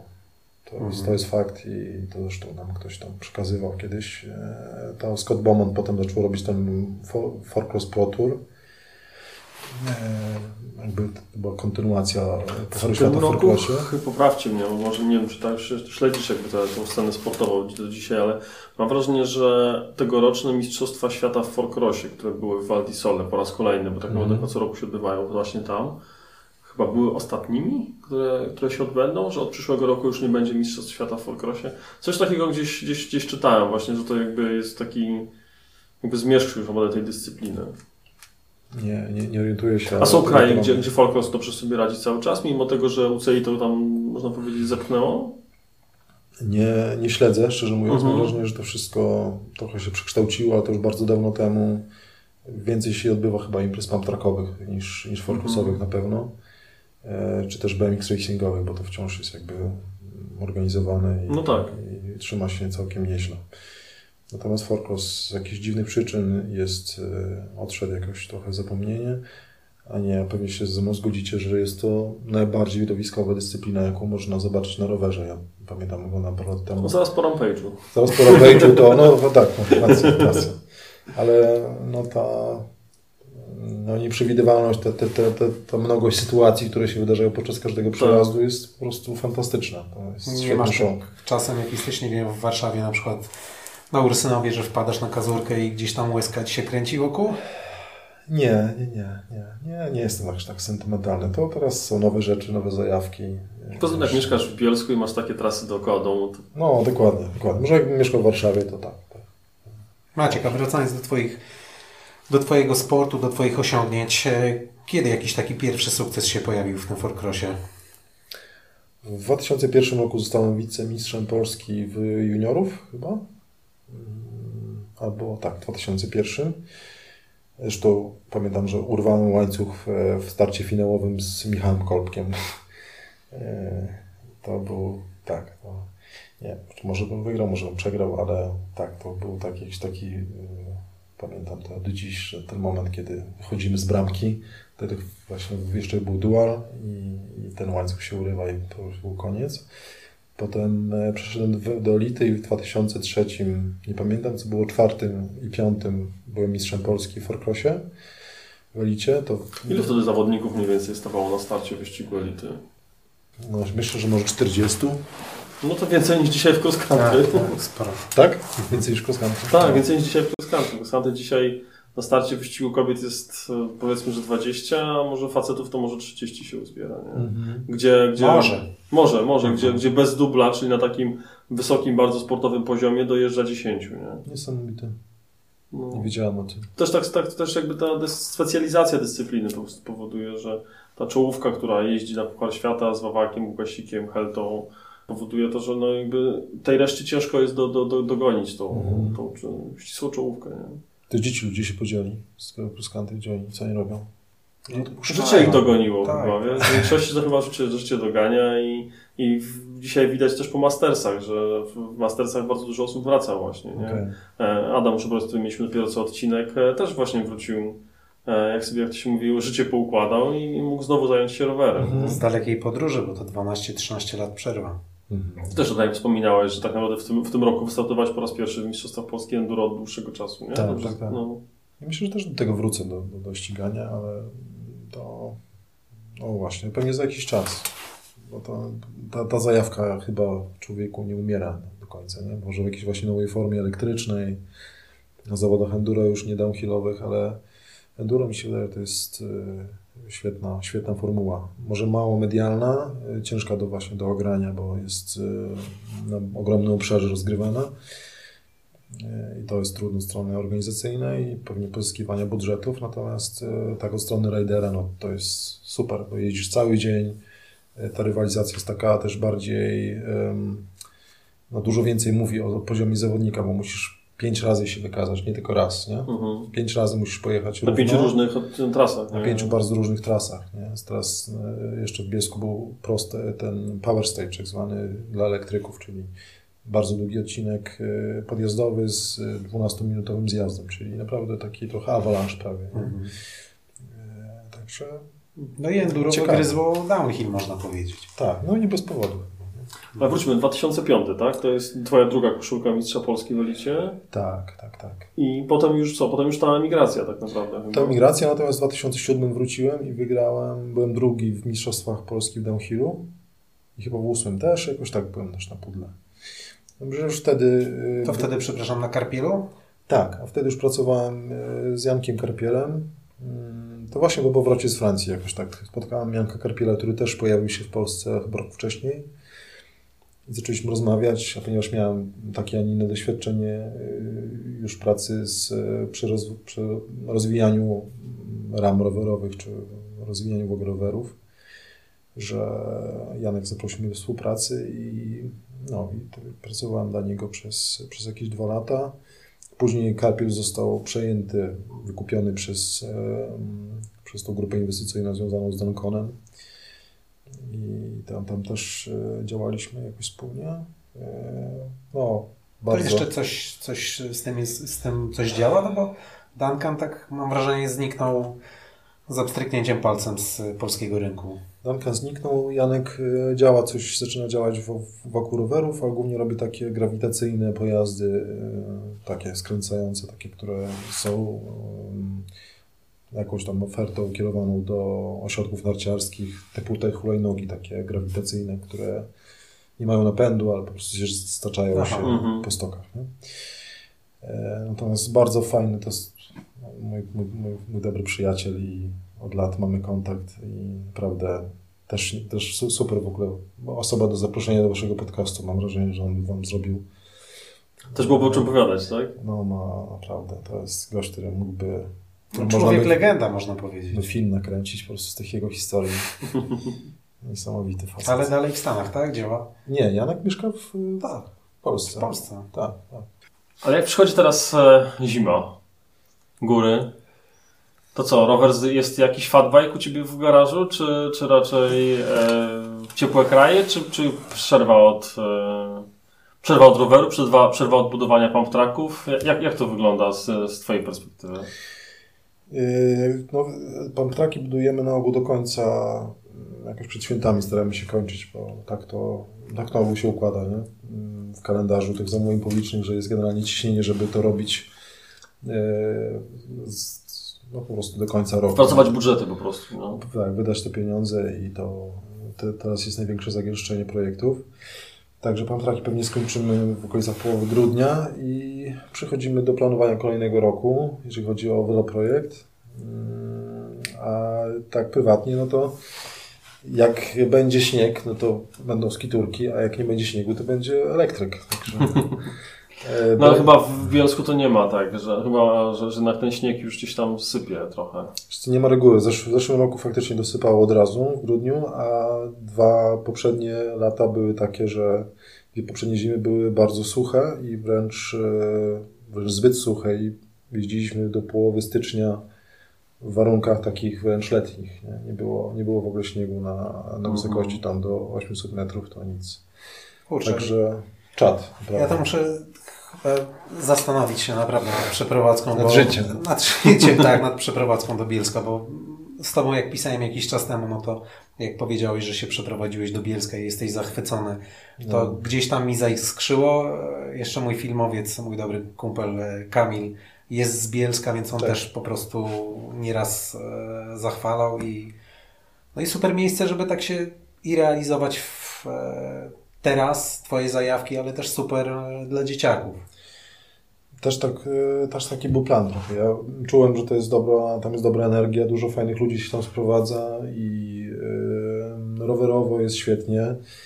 Ale też pod kątem dzieci, na przykład, co jest wyjątkowe, to jest y, bardzo bogata alternatywna oferta edukacyjna, czyli szkoły waldorfskie, Montessori. Mhm. Moje dzieci akurat teraz chodzą do Waldorfa, wcześniej były Montessori, ale to jest coś, co na przykład w Warszawie jest bardzo drogie, a tam jest y, dużo tańsze i takie dostępne. Przystępne. Mhm. Tak. A to z czego to wynika? Z, pewnie w jakimś stopniu z ludzi, którzy tam mieszkają, jakby z nie wiem, tak, otwartości, mentalności, a to jest tak, że w Bielsku jest duży napływ ludzi z zewnątrz, czy, czy to jest taki miks lokalnych ludzi? Jak, jak to wygląda? Bo... Duży, ja nie znam statystyk, mm -hmm. natomiast Ale czujesz, nie? czuję, bo widzę ile znajomych się tam sprowadza, e, to jest to ogromny ruch. ludzie szukają po prostu w dobie, e, w dobie tej pracy zdalnej, to jest to jest po prostu dużo łatwiejsze, żeby to zorganizować, to raz. Przez co ceny nieruchomości skoczyły, e, to też o czym świadczy, że po prostu jest ogromne zapotrzebowanie na, na, na domy i mieszkania. Mm, no, Paweł, ale... powinieneś był powiedzieć, nie wyprowadzaj się do Bielska, bo nie będę miał z kim podcastu nagrywać. Dlaczego to nie padło? Bo może się przeprowadziły razem. No właśnie. Nie no, ja, ja powiem wam, że mam, mam często taką sytuację, w tym sezonie akurat tak miałem, że, że parę razy w, pojechałem na fajne wypady w góry na, na kilka dni e, i czy sam, czy, czy z znajomym, czy z rodziną. E, I, no i człowiek wraca tutaj do tej Warszawy i ja tracę motywację do wyjścia na rower. Mhm. Jakby... Ale ja mam wrażenie, że to nawet nie chodzi o samą jazdę na rowerze. Tylko po prostu nie wiem, no, siedzimy w tej zajawce, uwielbiamy góry, tą naturę, tą przyrodę i samo to, że wracamy bloki, osiedla. To jest takie trochę przy, przytłaczające. No to raz, ze względu na rower to na pewno, a dwa, że chyba na takim etapie życia, w którym my jesteśmy. No, ja na przykład sobie y, mieszkałem w Warszawie, mieszkałem w Poznaniu, Krakowie, y, mieszkałem w Londynie i y, jakby, Pirenejach też, ale to jakby mówię o dużych miastach, to jest coś, do czego ja absolutnie nie tęsknię, a mając dzieci, to raz widzę ogromne zalety mieszkania w małej miejscowości, która jednocześnie, pomimo że jest mała, to nie ma e, w sobie takiego pierwiastka, e, takiej zaściankowości, e, takiego... No już jest dużo sporym miastem. To jest, to, jest, to jest spore miasto, ale jednocześnie daje świetny dostęp do natury. Dzieci się w takim środowisku świetnie regulują, czyli z przedszkola idziemy po prostu w górę. No tak, dużo, dużo aktywności, prawda? Nie spędzamy czasu właściwie w betonie, tylko w naturze. Mhm. Więc to mam, mam wrażenie, że dla dzieci działa i dla, dla mnie też. Ja też jestem świetnie wyregulowany i nie mogę się doczekać, jak zaraz tam pojadę. Już wiem, jaki będzie pierwszy temat dzisiaj po powrocie do domu. Ta sprawa jest. Dzieciakiem najlepiej spały od razu. No.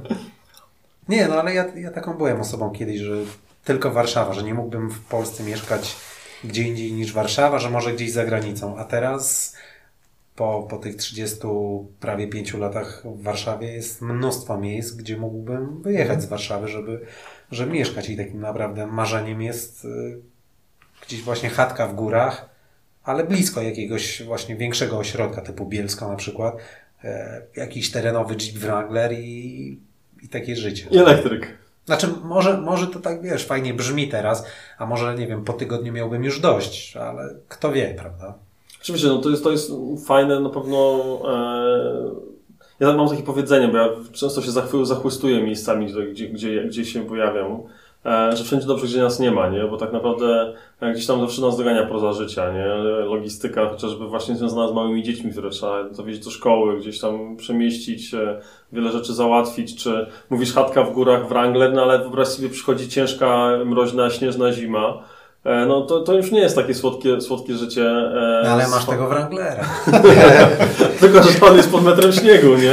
A, a droga, no niestety nie jest priorytetem dla służb i, i nie wiem, no, no mówię, no jakby myślę, że są zawsze plusy i minusy. Ale to nie? mówicie o takim, takiej przysłowiowej tej chatce, tak? Z tego, znaczy to, to, to przypowieści. Tak, tak, tak, ja, ale... ja jestem zwolennikiem tego na przykład, że, że ta infrastruktura, szczególnie z punktu widzenia dzieciaków jest, jest jakby kluczowa, gdzie e, mogę tak się u mnie złożyło, że moje dzieciaki starsze mają 400 metrów do szkoły podstawowej, nie? No to to jest coś fantastycznego po prostu, gdzie no, no śpią długo, wychodzą i, i, są zaraz w szkole, nie? I wszystko jakoś tam się kręci wokół jakiegoś lokalnego, lokalnej społeczności, lokalnego kwadratu, nie? Mhm. Przerwa 15 minut w szkole, dziecko do domu na obiad wpada.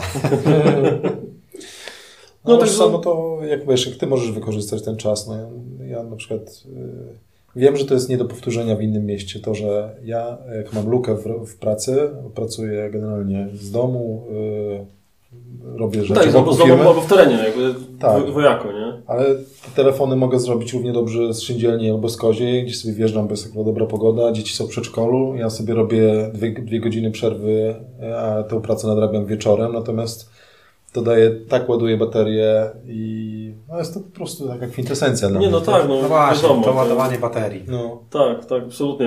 Możliwość wyjścia na rower, fajne miejsce. Tego nie skopiujesz w mieście. No nie, to tutaj to no. szachmat, nie? Dziękuję.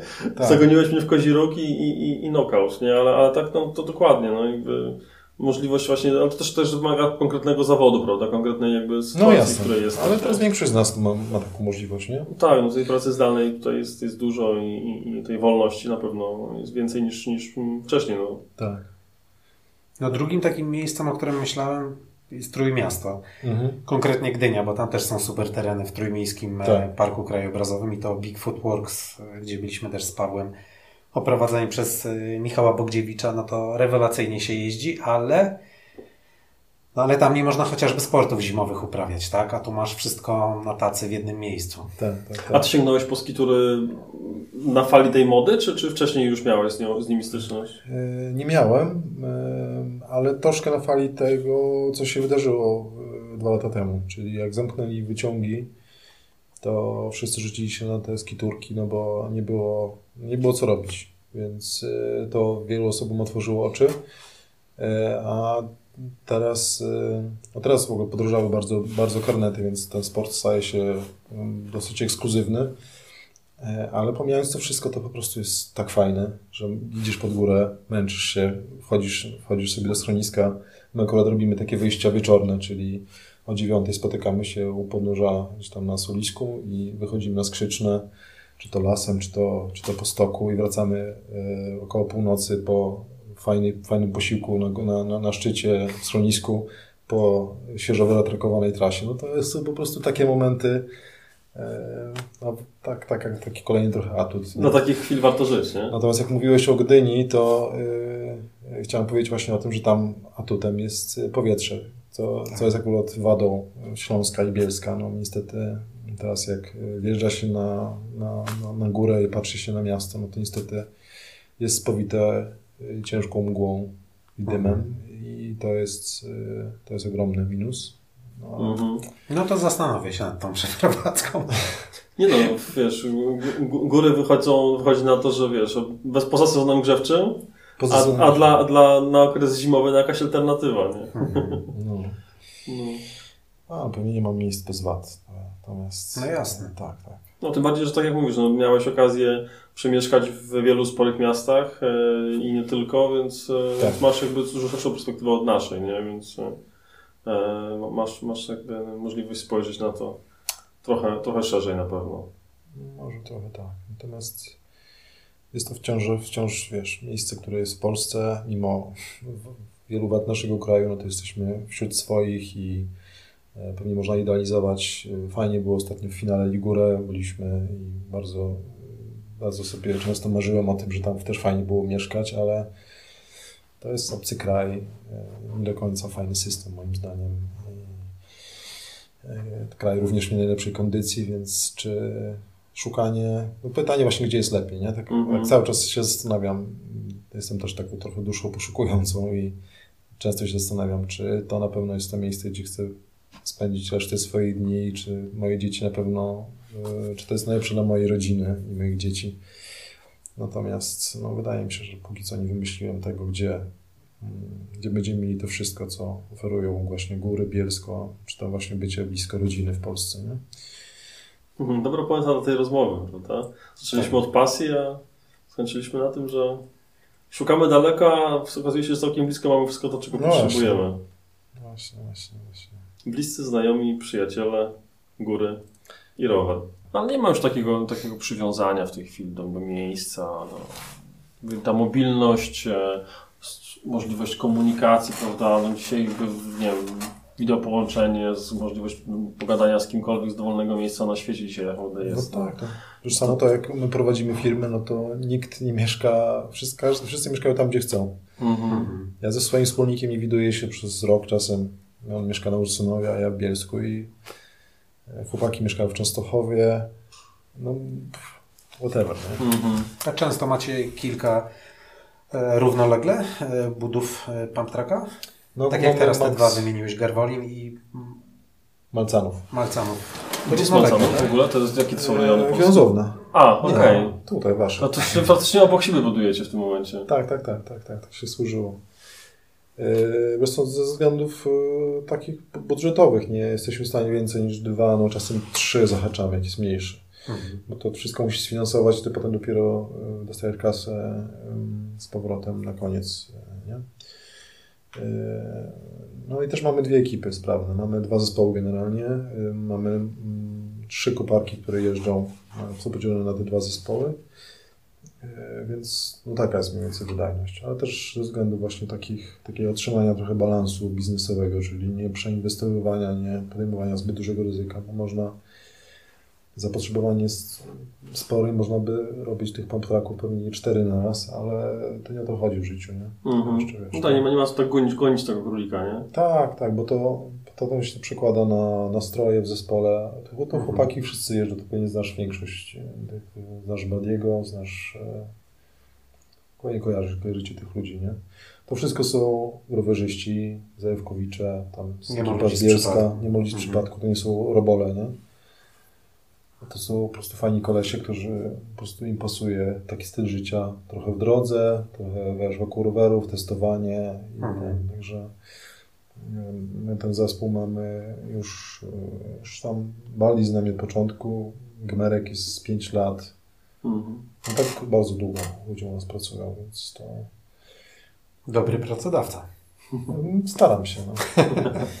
Wiesz, staramy się nie, po prostu nie przesadzić, trzymać taki balans między życiem a, a pracą. Nie? Mhm. Bo to rozrosnąć się to nie jest problem na chwilę, nie? zwłaszcza. Tak, ale to potem generuje stresy, skalowalność tego biznesu, też prawda, jak mówisz, inwestycje w sprzęt, e, a, a tak naprawdę no, nie, nie wiadomo też, prawda, jak ten popyt się długo utrzyma, prawda, i na Dokładnie. jakim poziomie on będzie, prawda, więc lepiej rzeczywiście, tak jak mówisz, wolniej upuszczać tego, z tego źródełka, a, a dłużej, a, a niekoniecznie, prawda, zalać się wodospadem. Tak, tak, tak. No tak właśnie, dokładnie. Tak działamy.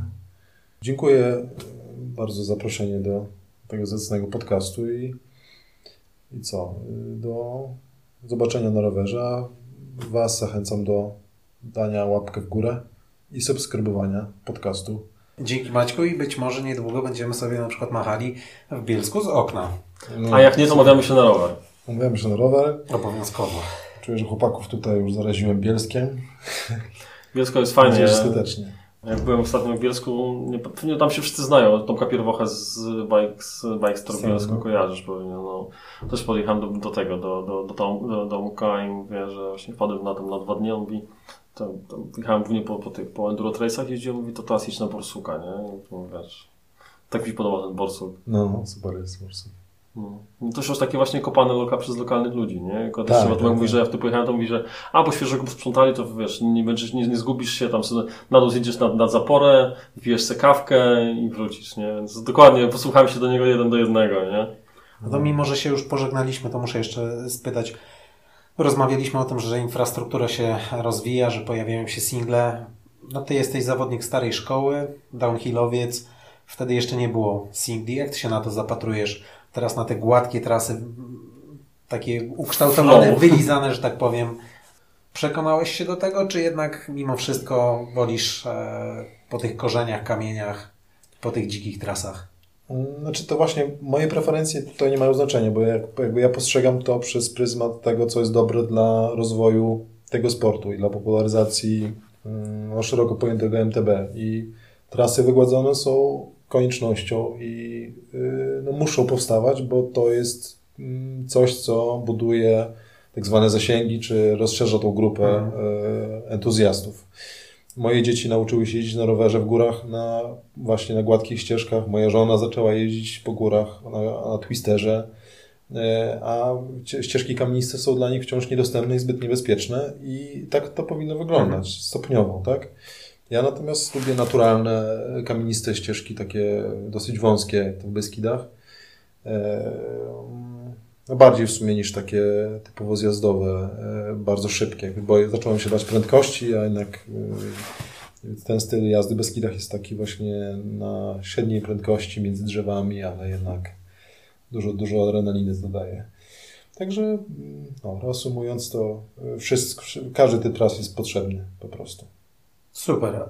I moglibyśmy na tym tak naprawdę już zakończyć, ale jeszcze muszę o coś spytać. E, Paweł ma prawie pięcioletnią córkę, ja mam prawie pięcioletniego synka. Nasze dzieci jeżdżą w Warszawie, jeżdżą po pumptrackach, też gdzieś się przymierzamy do jazdy w górach e, z naszymi pociechami na singlach. Od czego zacząć? Od jakiej trasy? E, Żeby wiedzieć, że sprawi im to frajdę, ale będzie oczywiście bezpieczne. No tam, jak przyjedziecie do Bielska, to najbardziej dostępna jest e, Stefanka i Cyganka. Mhm. E, Szczególnie Stefanka została ostatnio fajnie e, zmodernizowana przez chłopaków z Enduro Trails i testowałem z pięcioletnią córką, jest naprawdę super i przejezdna i bezpieczna, więc zdecydowanie tam. No ale z tego co wiem, na Dolnym Śląsku jest mnóstwo tras, które są dobre dla dzieci. E, Byłem też ostatnio na e, singlach pod Smyrkiem Mhm. i tam jest też taka fajna pętla, która jest doskonała dla małych dzieci i przejezdna. E, Więc no, cieszy mnie to, że tego jest to coraz więcej, bo jeszcze kilka lat temu nie było, tak jak mówiłem, mm, kompletnie nic, co, co, co można było ujeżdżać, a jeszcze pa- parę lat wstecz to jeździliśmy tylko na zawodach, a kolarstwo górskie to było w ogóle jakimś, jakąś totalną niszą, więc zobaczcie, że to jest raptem 15-20 lat, kiedy to e, wszystko tak się uległo zmianie, a szczególnie te ostatnie 10 to jest taki turbo. że oby tak dalej. A to też nie jest tak, że, że osoby, które kopią dzisiaj te trasy, budują je, to troszkę w cudzysłowie oczywiście, bo to dla swoich dzieci, bo właśnie mają dzieciaki, bo chcą właśnie, dlatego właśnie Stefanka, Cyganka, te, te prostsze trasy się pojawiają, bo, bo po prostu chcemy, żeby nasze dzieciaki też się rozwijały i obały tego wakcyna?